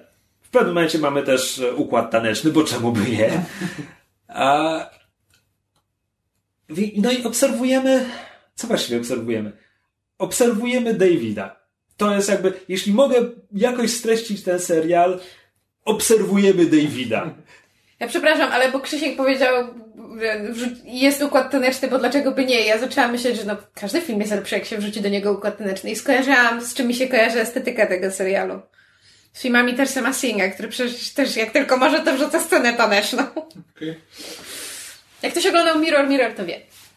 Kontynuuj. Obserwujemy Davida. Davida. No, kropka. Aha. Jeśli potrafisz streścić, jakby lepiej podsumować, o czym jest serial ode mnie.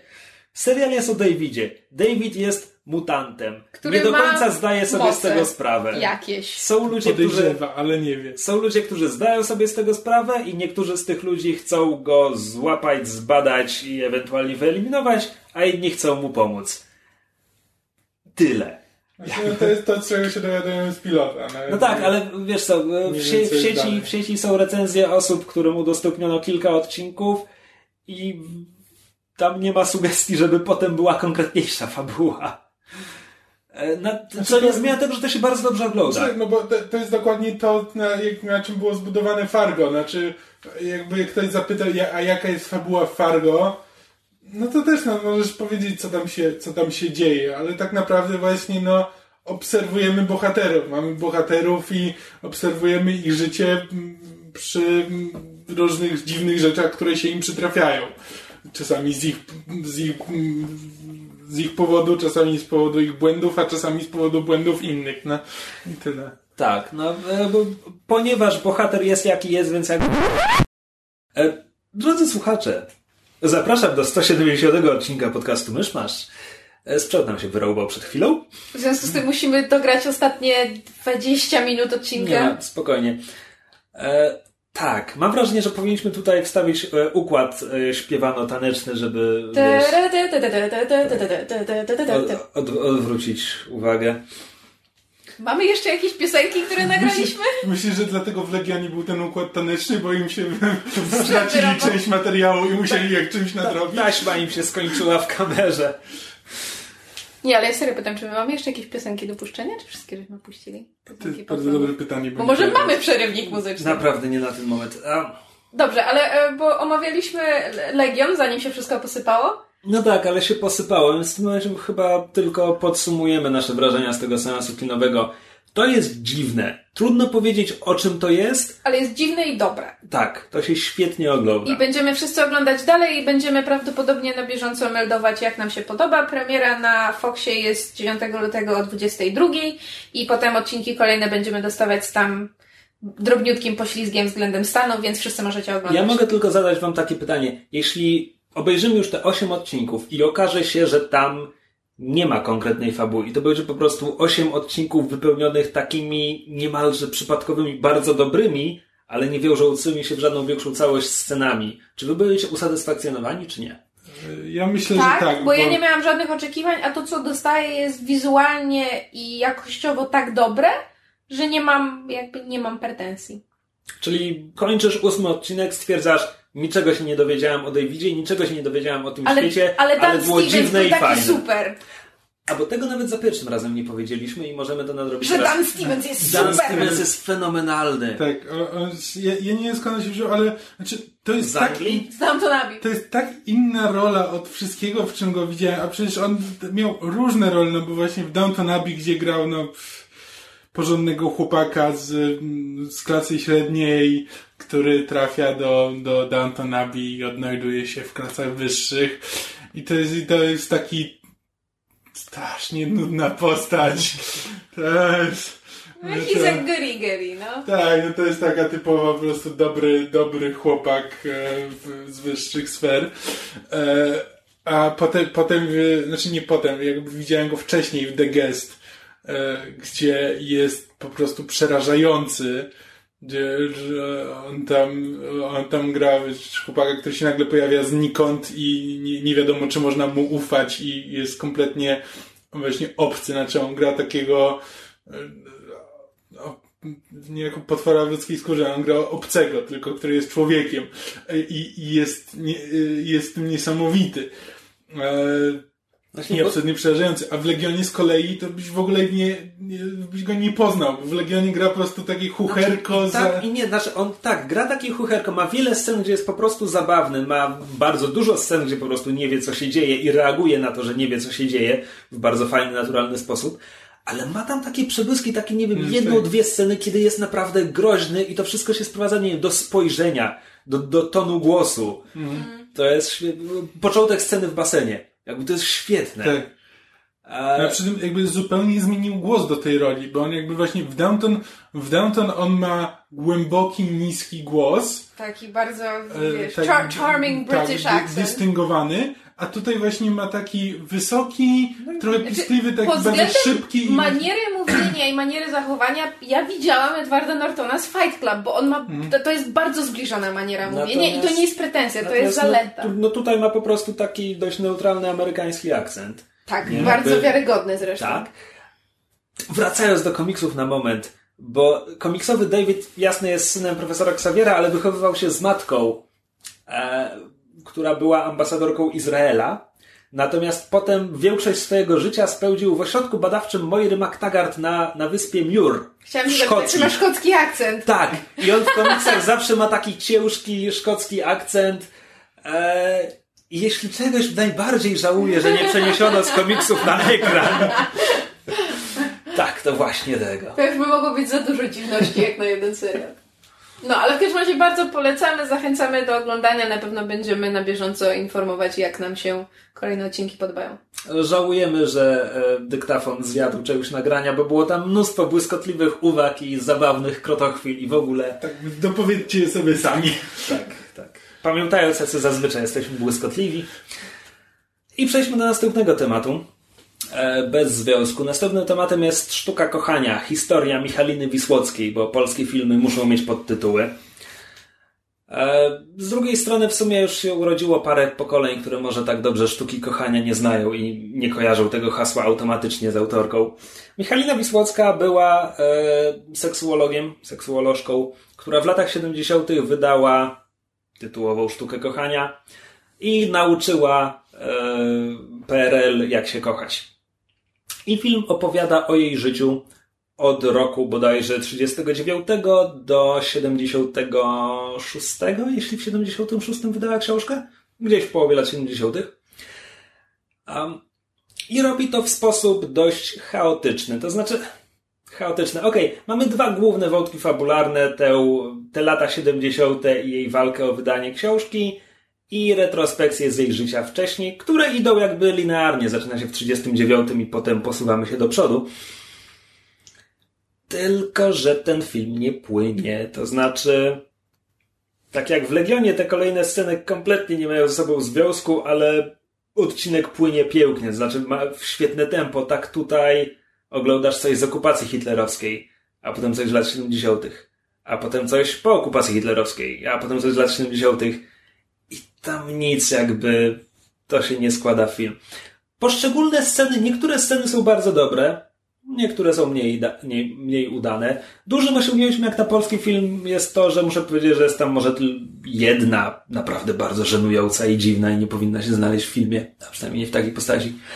A, ale ogólnie to po prostu nie składa się w jakąś konkretną historię. Film jest bardzo dobrze obsadzony. Niestety nie pamiętam imienia aktorki, która gra Michalinę Wisłocką, ale zagrała ją bardzo dobrze. To jest taka bardzo manieryczna, teatralna rola, można powiedzieć przerysowana, ale patrzyłem na ekran i przypominała mi się moja koleżanka ze studiu, więc są tacy ludzie. I, ja, i, jakby, że tak powiem, jakbym nie, jakbym nie znał tej mojej koleżanki, to bym powiedział, nie no przecież nie ma takich ludzi. Ale są. I to jest właśnie bardzo dobrze zagrana taka osoba. A e, inne role też są porządnie, porządnie zagrane. Mamy Eryka Lubosa w roli, w roli e, marynarza, co cały świat zjeździł i, i jest takim PRL-owskim uwodzicielem i jest znakomity w tej roli. E, tylko montaż zarżnął ten film.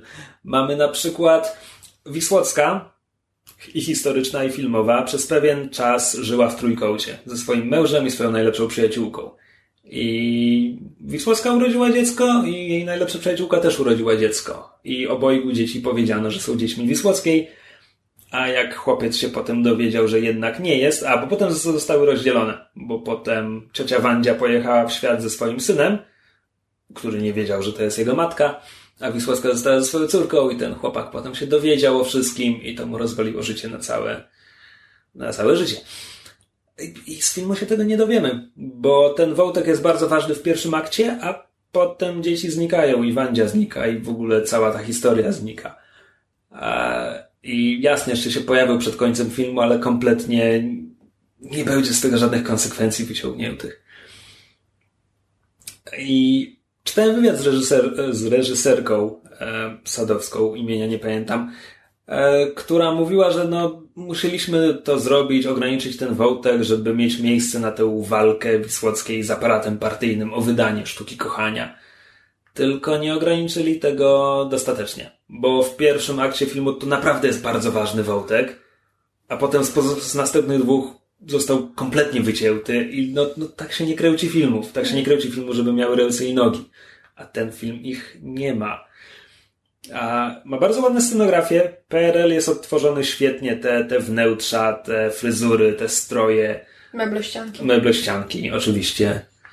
E, nie zapominajmy o meble- meblościankach. Tylko. No tylko co z tego? I jest w nim dużo scen e, erotycznych, różnych zbliżeń. Ponad 20, jeśli dobrze pamiętam wywiad z, z autorką. Tylko, że to są chyba wszystko sceny z samą Wisłocką. A w filmie, w którym tak ważne są jej pacjentki, którym ona doradza i pomaga i poprawia ich życie erotyczne, a przez to poprawia po prostu ich życie, ich relacje z partnerami, czy mężami, czy kochankami, czy kim tam, to ja bym chciał, żeby połowa tych scen erotycznych to były właśnie tych pacjentek, żeby to było tak naocznie pokazać, jak, jak Wisłocka zmieniła. Bo tam w pewnym momencie pada, właśnie to jest kolejny problem, niektóre kwestie są takie strasznie nachalne. Ja mogę uwierzyć, że Wisłocka by je wypowiedziała. No, ona w pewnym momencie mówi, ja jestem rewolucją seksualną i nadchodzę. Okej, pokażcie mi to. Bo tego nie widzę, tylko słyszę zapewnienia jej pacjentek, że u, u, pani doktor, teraz to jest uch. I te kostiumy i w ogóle. No, no właśnie. I to po prostu to dla mnie nie działa. Plus, tam są takie fuszerki straszne, to są detale, to są kompletne detale, ale na przykład na początku mamy scenę, gdzie Wisłocka siada do maszyny, maszyny do pisania i zaczyna pisać sztukę kochania. I wali w klawisze, a na ekranie wyświetla się tekst. Teraz tak, po pierwsze, tekst nie wyświetla się w tempie, w którym ona wali w klawisze. Po drugie, e, tekst jest jakąś czcionką wziętą z Worda, nie wiem czy to było Times New Roman czy cokolwiek, ale to nie była czcionka z maszyny do pisania, więc to wygląda jakby ona SMS-a pisała, a nie na maszynie. To jest kompletny duperel, na który uwagę zwróci, nie wiem, jedna na 20 osób, ale przecież to jest tak proste, żeby to zrobić dobrze. Druga rzecz. Zaczynają lecieć napisy i na, napisał najpierw towarzyszy nagranie praktycznie dokumentalne z drukowania najnowszego wydania Sztuki Kochania, już bodajże 17. Ukazało się w zeszłym roku i po prostu kamera śledzi e, książkę na taśmie montażowej w, drukarni. Spoko. Ale potem zaczyna lecieć wywiad z Wisłocką. Tylko, że to wciąż jest aktorka grająca do Wisłocką, ale nieważne. Jest po prostu taki, że ona już mówi prosto do kamery, jakby to było nagranie dokumentalne. I to zajmuje, to jest, to jest taki mały kadr e, umieszczony po lewej stronie e, ekranu. Nie zajmuje całej lewej strony ekranu, tylko jest jakby, jest, że tak powiem, margines i na tym marginesie jest mały kadr, gdzie mamy tę aktorkę wcielającą się w Witłocką i ona mówi do kamery. A na prawej stronie ekranu lecą napisy końcowe. Czemu tyle o tym mówię? Bo niektóre linijki napisów końcowych są tak długie, że przejeżdżają jej po twarzy. To jest po prostu takie partactwo, jakby ktoś to dał, wiesz, o, siostrzeniec robił, wiesz, nagranie ze ślubów w tym tam PowerPoincie animację, to on ci to zrobi. Po prostu, znowu, duperel, ale po prostu tak spartaczony, że ja nie wierzyłem, że to widzę.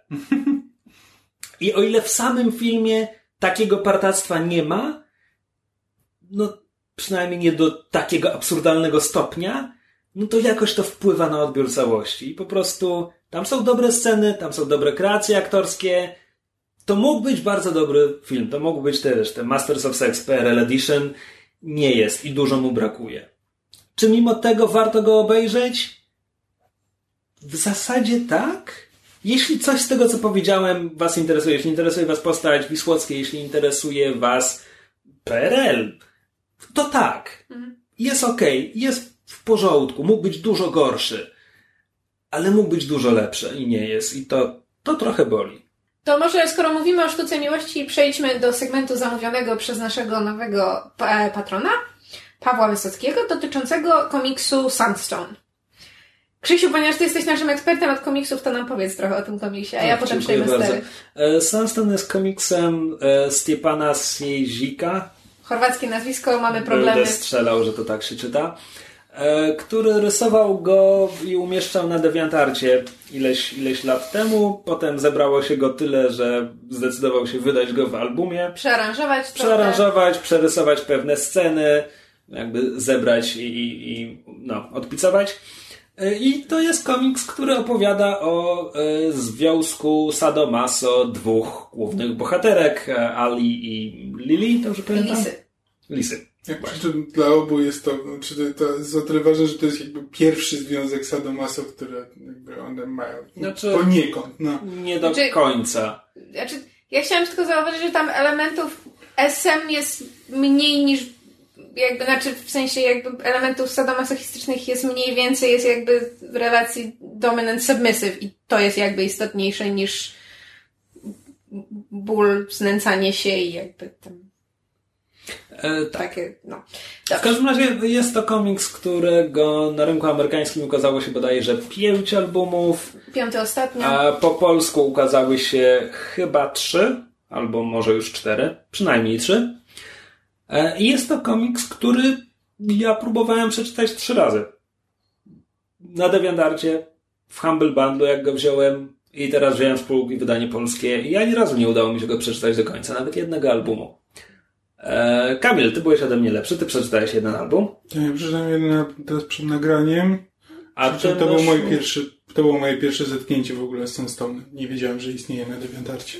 A ja z kolei jakiś, nie wiem, rok, dwa lata temu przeczytałam wszystko, co było na DeviantArcie i teraz w ramach zamówienia zaczęłam czytać ponownie w wydaniu albumowym i przed chwilą skończyłam e, trzeci album. No tak, więc ja mam. Ja mam pewne powody, dla których go nie przeczytałem, które przytoczę później, ale najpierw co, co uważasz po tej lekturze? Nie oszukujmy się, e, mimo że kwestia relacji BDSM i całej tej społeczności, tego jak to dotyczy naszej seksualności wszelkich psychologicznych aspektów, jak to wpływa na relacje międzyludzkie i całej otoczki seksualnej, to jest przede wszystkim komedia romantyczna o miłości dwóch dziewczyn, które poznają, które najpierw się zaprzyjaźniają ze względu na swoje specyficzne zainteresowania, potem mają relacje friends with benefits, przy czym te benefits są BDSM, e, ich jakby krąg znajomych i postaci, wokół, które się wokół nich kręcą, się powoli rozszerza. Właśnie poprzez nie obserwujemy i poznajemy całą społeczność, znaczy całą społeczność, pewien e, odłam społeczności BDSM, dowiadujemy się, jakie różne osoby mają na ten temat opinie, jakie są różne podejścia, prawda? Tyle, tyle, tyle smaków, ile osób. Ale w gruncie rzeczy jest to historia dwóch dziewczyn, które się zaprzyjaźniają, a potem się orientują, że się w sobie zakochały i tego, jak sobie radzą z tym uczuciem, z przyjaźnią, która zmienia się w miłość, z tym, że dowiadują się czegoś nowego o swojej orientacji, bo jakby wcześniej nie, nie patrzyły na siebie jak na osobę, jak na lesbijki i, i w gruncie rzeczy to jest po prostu erotyczna komedia romantyczna, gdzie mamy bardzo ładne rysunki nagich pań w lateksie. It's a love Znaczy, story. Tak. e, Ja zasadniczo do samej historii nie mam szczególnych zastrzeżeń, poza tym, jak to jest napisane, bo ten komiks potrzebuje desperacko redaktora. O Boże, tak. Kogoś, kto by powiedział, że powtarzasz trzy razy to samo na trzy różne sposoby.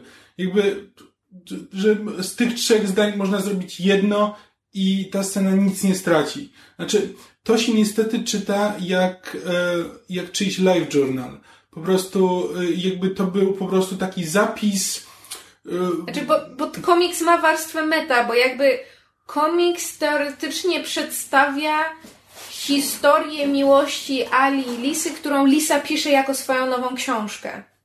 No tak. No bo taka jest jakby rama narracyjna, że te jakby ramki narracyjne, które my widzimy, to jest właśnie ona pisząca tę swoją książkę o ich życiu, o ich miłości, o ich relacji. Natomiast komiks jakby pokazuje te wydarzenia. I same wydarzenia to na przykład jak, jak bohaterowie ze sobą rozmawiają, albo sceny erotyczne, albo jakieś śmieszne sytuacje, czyli jakby same, same sceny i dymki rozmowy są w porządku. Natomiast zgadzam się, że tam jest stanowczo za dużo pustej Znaczy, narracji. Nie ma w ogóle, nie ma żadnego miejsca na niedopowiedzenia. Jakby wszystko jest, e, wszystko jest e, jakby dopowiedziane i e, jakby zawsze obok, obok obrazka jest jakiś tekst wyjaśniający, co się dzieje.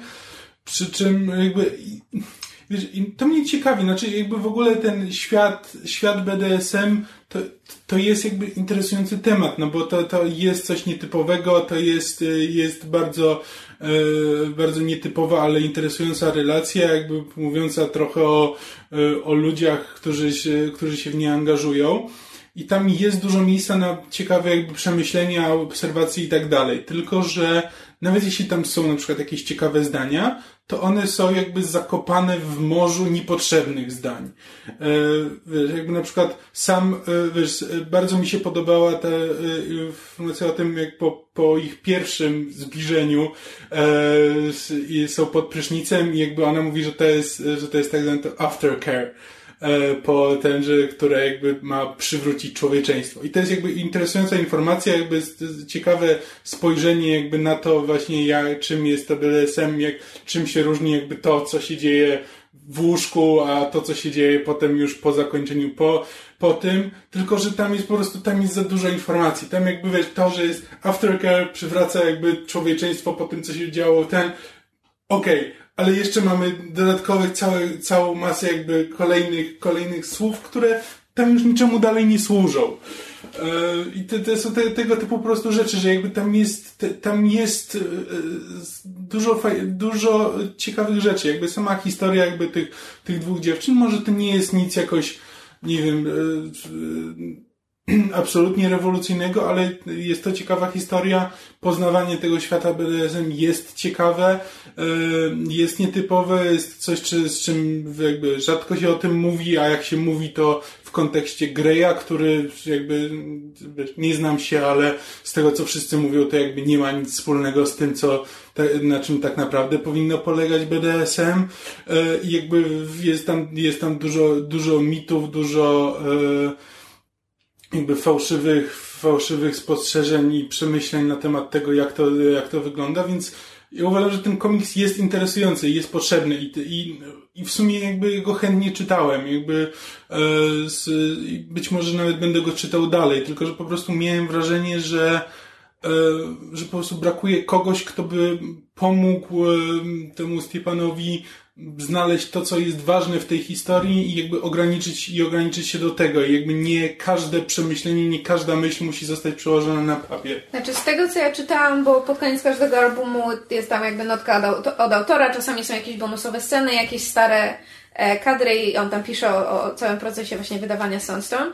E, I z tego, co czytałam, z tego, co, co autor pisał, to jakby przed prze, przemontowaniem, przed wydaniem w formie albumu, kiedy to jakby musiał tę fabułę ustawić i bardziej streamlinować, było jeszcze więcej tego, znaczy było jeszcze gorzej.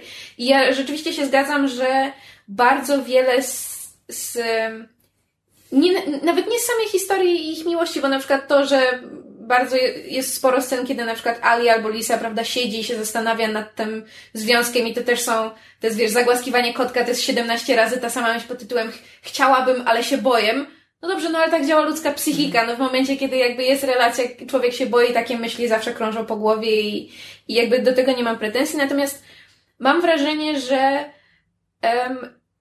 autor trochę nie był się w stanie kontrolować pod względem takiego przelania w ten, w ten aspekt BDSM takiego jakiegoś swojego strumienia świadomości na temat jego podejścia i przemyśleń do mhm. BDSM. I to jest, mam wrażenie, że w pewnym momencie Sandstone się stało nie, bó nie bójmy się tego słowa, po prostu mównicą, na którą Stiepan wszedł pod tytułem Słuchajcie, jest tyle złych um, opinii, stereotypów na temat BDSM, że skoro mam tę platformę, to teraz wam będę pra prawił kazania, jak to jest tak się, naprawdę. Tak się to trochę czyta jak taki esej po prostu ilustrowany ładnymi obrazkami. Hmm. Esej, esej o BDSM.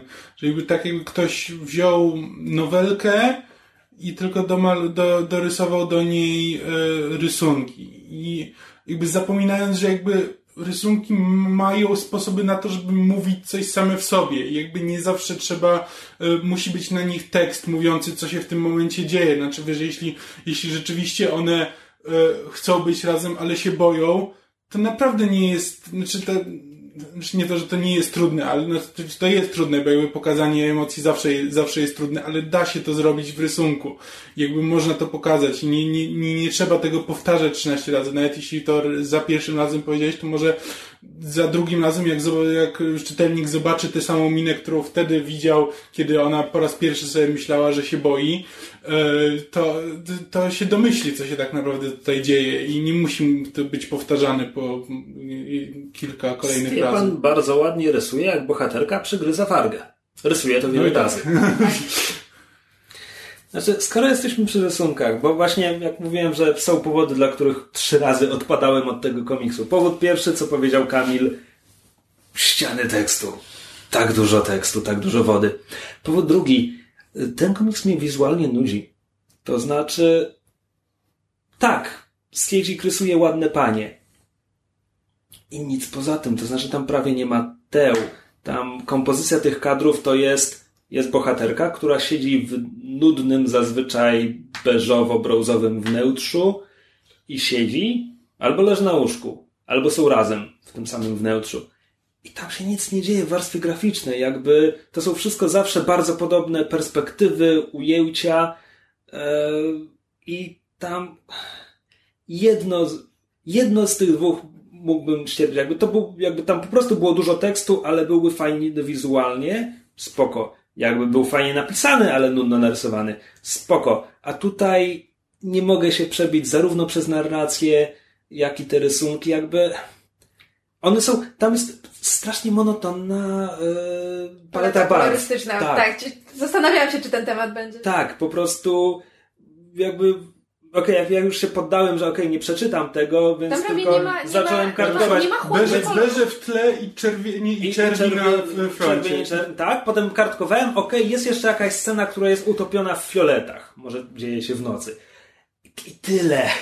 I sorry, ale nie. To znaczy Stiepan rysuje ładne panie, ale kurczę, bo tam powinno być jeszcze tyle więcej, żeby to wciągało wizualnie. To znaczy ja... To jest po prostu jakbym, jakbym przeglądał album z pinapami mhm. i esejem o BDSM. Właśnie, okej, okay, na jednym ekranie otworzę sobie esej o BDSM, tutaj będę miał album z pinapami i ta lektura da mi to samo wrażenie, no. Sorry. Tak. Nie. Zresztą właśnie, nawet jak powiedziałeś o tym przygryzaniu, przygryzaniu warg, no to właśnie też jakby Stiepan się na tym mocno skupia i jakby praktycznie w każdej scenie miłosnej jest właśnie ujęcie na tą przygryzaną wargę. I potem, kiedy Ali zostaje sama i myśli o, jak ona się nazywa, ta druga? Lisa, o Lisie. Tak, i myśl, myśli tam o Lisie, to właśnie przypomina sobie i i musimy mieć tekst o tym, że, że o, jak ona przegryza tą wargę i pięć zdań o tym, że ona przegryza wargę i pokazane rysunki przegryzania warg. To jeśli on, wiesz, jeśli ona tam stoi przy jakichś tam garach, czy przy czym ona tam stoi i widzimy zdjęcia tej przegryzanej wargi, no to to wystarczy, to my już w tym momencie wiemy, co ona, o czym ona myśli i wiesz, na, na czym ten, i naprawdę ten dodatkowy esej nad tym, jak ona przygryza tą wargę, jest tam w tym momencie zupełnie niepotrzebny. To może wywalić po prostu w całości. Na rysunku Spider-Man wchodzi przez otwarte okno. Spider-Man myśli, otwarte okno, mogę przez nie wejść. Narracja mówi, Spider-Man wszedł przez otwarte okno. tak, no mniej więcej. To znaczy tak. e, ja się z wami zgadzam myk w tym, że i do tego się chyba, do tej mojej um, um, guilty pleasure się już chyba kiedyś w podcaście przyznawałam. Ja bardzo lubię, lub, lubię, lubiłam rysunki Michaela Turnera. Ja lubię tę kreskę. Y, Stefan się wzorował na Turnerze, jakby robił w Top Cow, robił w Image, robił Witchblade i, i widać echa tego, ja widzę echa tego. W związku z tym jego kreska mi bardzo odpowiada. E, owszem, ona jest troszeczkę prze, przestylizowana, natomiast porównując jego pierwsze, że tak powiem, luźne rysunki, które potem stały się Sandstone, a to czym jest teraz album, jakby widzę, że to wygładził, urealnił te jakby kwestie anatomii, to jest wszystko ładnie oddane i ja na przykład bardzo doceniam to, jak on pokazuje um, właśnie jakby anatomię czy logistykę scen BDSM i też jak rysuje um, ubrania. Zresztą jakby komiks bardzo podkreśla, że element e, fetyszyzacji strojów i ubrań cała ta e, kostiumowa strona jest bardzo, bywa dla, dla niektórych bardzo istotna i, i jest pomocna i bardzo doceniam to, że on rzeczywiście się nad tym skupia i, i widać, że, że się na tym zna. Mi, znaczy, mi się te rysunki też bardzo podobały i e, zapomnia, zapomniałem Michael Turnerze, ja z kolei miałem skojarzenia z Adlerem. E, coś pomiędzy... Dużo więcej szczegółów. Tak, ale właśnie gdyby Adler rysował więcej szczegółów, to właśnie coś pomiędzy Turnerem i Adlerem te, te, tego typu.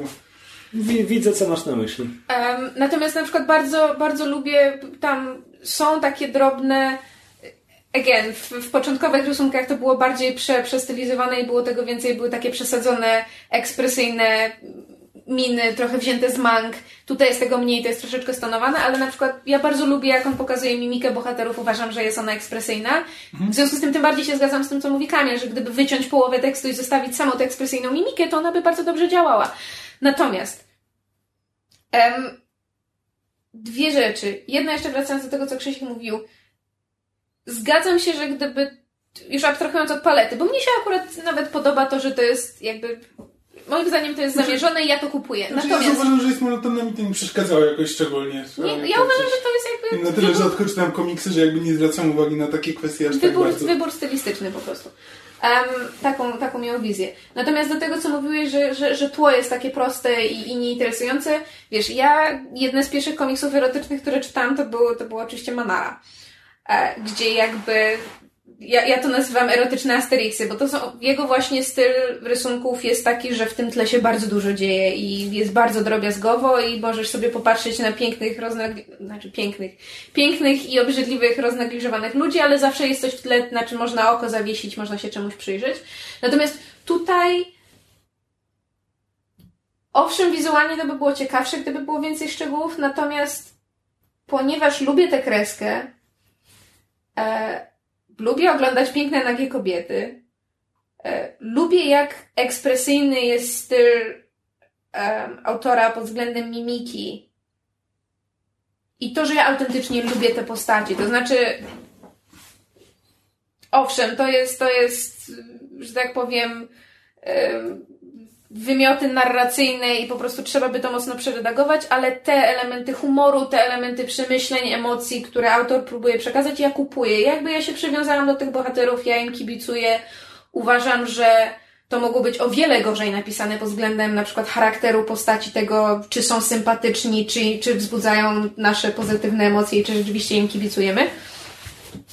I, i ja po prostu i like this story. I want them to fall in love. I want them to be happy. I to jest jakby pod tym względem dla mnie komiks działa. No wiesz, no ja za żadnym z trzech razy nie, nie zdołałem przeczytać tyle, żeby przyzwyczaić się do postaci. Natomiast to, co mówię o rysunkach, to nie jest tylko to, że tam nie ma szczegółów w tle czy tak dalej, tylko po prostu to jest trochę tak jak, kurczę, każda historia, praktycznie niezależnie od medium, musi e, zmieniać pewne swoje aspekty, żeby cały czas skupiała na sobie uwagę. Czyli na przykład jeśli masz film, on nie może się składać z samych scen akcji, bo przy trzeciej wysiądziesz, bo ile można, mm. więc musi tam potem być scena spokojna. Musi Jak masz powieść, no to musisz mieć dialogi przeplatane fragmentami narracji, nie za dużo jednego, nie za dużo dru drugiego. Trzeba to różnicować ciągle. W komiksie jakby dla mnie te rysunki kompletnie nie są zróżnicowane. Jakby dla mnie każda kolejna strona, tak, jasne, nie, nie tutaj w kadrze jest jedna postać, tu są dwie postaci, ale to wizualnie jest wszystko dla mnie to samo, każda kolejna znaczy, strona. Nie, ja, byłbym właśnie gotów, znaczy, ja byłbym gotów jakby to uznać, że takie jest zamierzenie, no bo na przykład, wiesz, tak jak możemy mieć filmy czy sztuki, w których po prostu mamy dwie osoby, które siedzą w pokoju i rozmawiają i na przykład, wiesz, no w, w teatrze w ogóle nie masz E, nie masz kadrowania i tak dalej. Są sztuki fenomenalne, e, które się dzieją w jednym Tak, no, no. dokładnie, no, ale wiesz, filmy są czasami też takie, że no, są po prostu osoby, rozmawiają, nie wiem, Albo My Dinner episode. with Andre, czy coś, czy, e, czy coś takiego. Albo Bottle Episode seriali, Tak, że po prostu no, mamy ludzi, którzy rozmawiają, no, tylko że wtedy jakby materia sama musi być, znaczy po pierwsze, materia musi być ciekawa, i w dodatku przedstawiona jakby interesująco. Wtedy te dialogi muszą mieć rytm, muszą, dialogi muszą płynąć, że ponieważ nie masz wtedy montażu, nie masz tego jakby u, u, no, uatrakcyjnić, uatrakcyjnić montażem, musisz to uatrakcyjnić jakby płynięciem dialogów. No i tak tutaj jakby też, jeśli to by były sceny na zasadzie, no są, siedzą w pokoju albo uprawiają seks i dowiadujemy się więcej na temat ich relacji, nawet z tego eseju, no to wtedy właśnie ten esej musi być napisany nienagannym językiem. Znaczy to wtedy ten esej musi być po prostu tak napisany, że płynie sam. Jakby, i wszystko jest tak, właśnie, że mi się podoba nawet ten komiks, mi się podoba pomysł na niego, chętnie bym się, chętnie bym się dowiedział o tym więcej, tylko po prostu jest dużo takich drobnych rzeczy, znaczy, które mi przeszkadza po prostu w odbiorze. Znaczy, jakby sprawia, że to, co zamiast, robi, a nie jak tak, robi. Że, zamiast, że zamiast jakby e, siedzieć przy tym i z chęcią e, brnąć dalej i dowiadywać się o tym, to już w połowie ja już lekko, lekko dosyć czuję się zmęczony i jakby muszę sobie zrobić przerwę i może i wrócę do tego, jak teraz prób, ja próbowałem przeczytać ten komiks przed, przed nagraniem i po prostu w którymś momencie już do połowy dobrnąłem, a po połowie już tak czytałem tylko zgodnie z zasadami szybkiego czytania, na zasadzie tylko, żeby zrozumieć myśl płynącą z, ze zdania i przechodzić do następnego. E, tak, i to tyle. E... Ja, ja nadal uważam, że jakby dialogi, te dymki, które są dialogami, rozmową między bohaterami są w porządku, natomiast rzecz się zaczyna sypać w momencie, kiedy wchodzimy w psychologii, znaczy w, w, w, te w chmurki nie w dymki, tylko jakby w chmurki, czyli jakby w, w to, jak postać się zastanawia, czy tam ma jakieś swoje przemyślenia. I problem, problemem są ramki, czyli właśnie jakby narracja i, i znaczy, ten, są, część esejowa. Znaczy, Tego jest, jest, za dużo. Tam są problemy montażowe, jakby posługując tak. się ten, że jakby, jakby na samym początku już jakby mnie tak nastawiło, że mm, to może być ciężko, kiedy na początku jakby mamy pierwszą scenę, kiedy Lisa. Lisa siedzi przed, przed komputerem. To są chyba trzy strony narracji. Trzy nie? strony narracji, kiedy ona się zastanawia, o, czy teraz czy ma to napisać, że wszyscy chcieli, żeby ona to napisała i że to taki temat będzie trudny i tak dalej. Po czym kończymy to, jak ona siedzi przed, przed komputerem, zaczynamy narrację i zaczynamy od tego, że o, teraz będzie o BDSM i to takie tabu, o, czy na pewno chcecie to, bo jesteście zboczeni. I, I to jest powtórzenie tego, co było co było w tych trzech stronach narracji, tylko po prostu na jednej stronie. I właściwie moglibyśmy zacząć od tej strony, te trzy poprzednie w ogóle wywalić i to by wciąż nie zmieniło nic w historii. Właśnie tego typu rzeczy są, e, są, właśnie, są właśnie tym problemem, gdzie jakby e, może niepotrzebnie powtarzamy niektóre rzeczy, jakby w,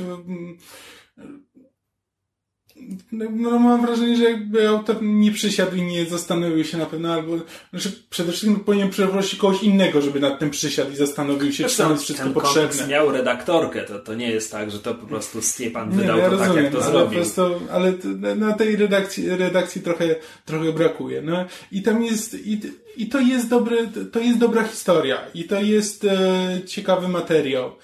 Yy, tylko po prostu trzeba, trzeba jakby się nastawić na to, że no, znaczy, podejrzewam, że wielu osobom to nie będzie szczególnie przeszkadzało, no bo to się czyta trochę jak blogową notkę na przykład. Yy, czy w, i jakby ja myślę, że sporo osób nie będzie miało z tym problemu. Yy, bo, tylko, że właśnie czyta się to bardziej jak blogową notkę, a nie jak na przykład artykuł czy esej taki profesjonalny. E, że bardziej to są po prostu przemyślenia jakby jednej konkretnej osoby e, i to jakby przemyślenia takie zawierające każdą myśl, która w tym momencie przychodzi do głowy, która jest przelewana na papier. E, no i ja wyobrażam sobie, że wielu osobom to nie będzie przeszkadzało, no bo właśnie na przykład no, to, to moje, moje porównanie do live journala, no bo jeśli ktoś na przykład dużo czasu spędzał na live journalu, jakby czytał zarówno fanfiki, jak i właśnie cudze przemyślenia na różne sprawy, to to jest mniej więcej ten, e, ten poziom, o którym będziemy. No, natomiast jeśli ktoś jest przyzwyczajony do e, właśnie do takich profesjonalnie napisanych, nie wiem, artykułów czy, e, czy esejów, no to, to, to tutaj brakuje jakby dyscypliny, która, która by w taki profesjonalnie napisany materiał charakteryzowała. Czyli jeśli klamrą narracyjną jest to, że Lisa pisze swoją książkę, to czy możemy wywróżyć, że nie odniesie sukcesu. Mm, właśnie o tym samym chciałam powiedzieć, że jak na to, że pisze swoją książkę, to ta książka jest totalnie zredagowana. Lisa najlepszą pisarką nie jest. No też. Tak, ale ogólnie po, po, jeżeli y, coś z tego, co mówiliśmy, Was zainteresowało, zaintrygowało, to moim zdaniem po komiks można sięgnąć. Krzysiu, Ty czytałeś polskie wydanie. Dobrze jest wydany po polsku? E, tyle, ile go przeczytałem. Znaczy, e, komiks jest dobrze wydany, jest też e, porządnie przetłumaczony. Bo- bo- Bohaterki posługują się takimi nie do końca przekleństwami. Nie, nie pamiętam, co to było w oryginale, czy one powtarzają w farsz, czy co tam, ale w- jakby w wydaniu polskim jakby potr- W potra... nie ma przekleństw. Czy nie przypomniałem sobie żadnych przekleństw? No ale chodzi mi o właśnie takie bardzo, bardzo O, z, z autocenzurą. No bo tu, tutaj masz Motyla na przykład trzy, trzy dymki, kiedy bohaterka powtarza kuźwa, kuźwa, kuźwa, kuźwa. Co ma swój urok? Jak się nie pamiętam przekleństw po angielsku, może Nie, były. nie, nie, nie zwróciłem uwagi. Jesteśmy już tak znieczuleni. No. A w każdym razie, jeżeli coś z tego, co mówiliśmy, Was zainteresowało, to, to można po Sandstone sięgnąć. W każdym razie Beze mnie. Do trzech razy sztuka. e, ewentualnie można, nie wiem, partnerowi, partnerce zrobić em, ładny, wizualnie, sugestywny, erotycznie prezent na walentynki, skoro się zbliżają, bo to taki tematycznie fajny e, prezent może być. E, tak, i to tyle od nas e, w tym tygodniu. Jak zwykle zachęcamy do wysyłania nam swoich komentarzy, pytań, sugestii, e, kontaktowania się z nami na wszelkich mediach społecznościowych. Wszystkie nasze adresy możecie znaleźć w outro. Dziękujemy Wam za I uwagę. też, i jeśli chcecie, to możecie nas wesprzeć na Patronite, tak jak... Tak, i e, zażyczyć sobie, żebyśmy coś przeczytali albo obejrzeli i się wypowiedzieli na zadany przez Was temat. Będzie nam bardzo miło. Nie To zawsze jest dla nas interesujące wyzwanie. Przecież Paweł ma nam dać temat, nie przypominajcie. Zapomniałam. Długo się do tego zbiera. Będzie ciekawie. No. E, ale to tyle od nas. Dziękujemy za uwagę i do usłyszenia w przyszłym tygodniu. Cześć! Pa, pa! Zapomniałem, że trzeba się pożegnać.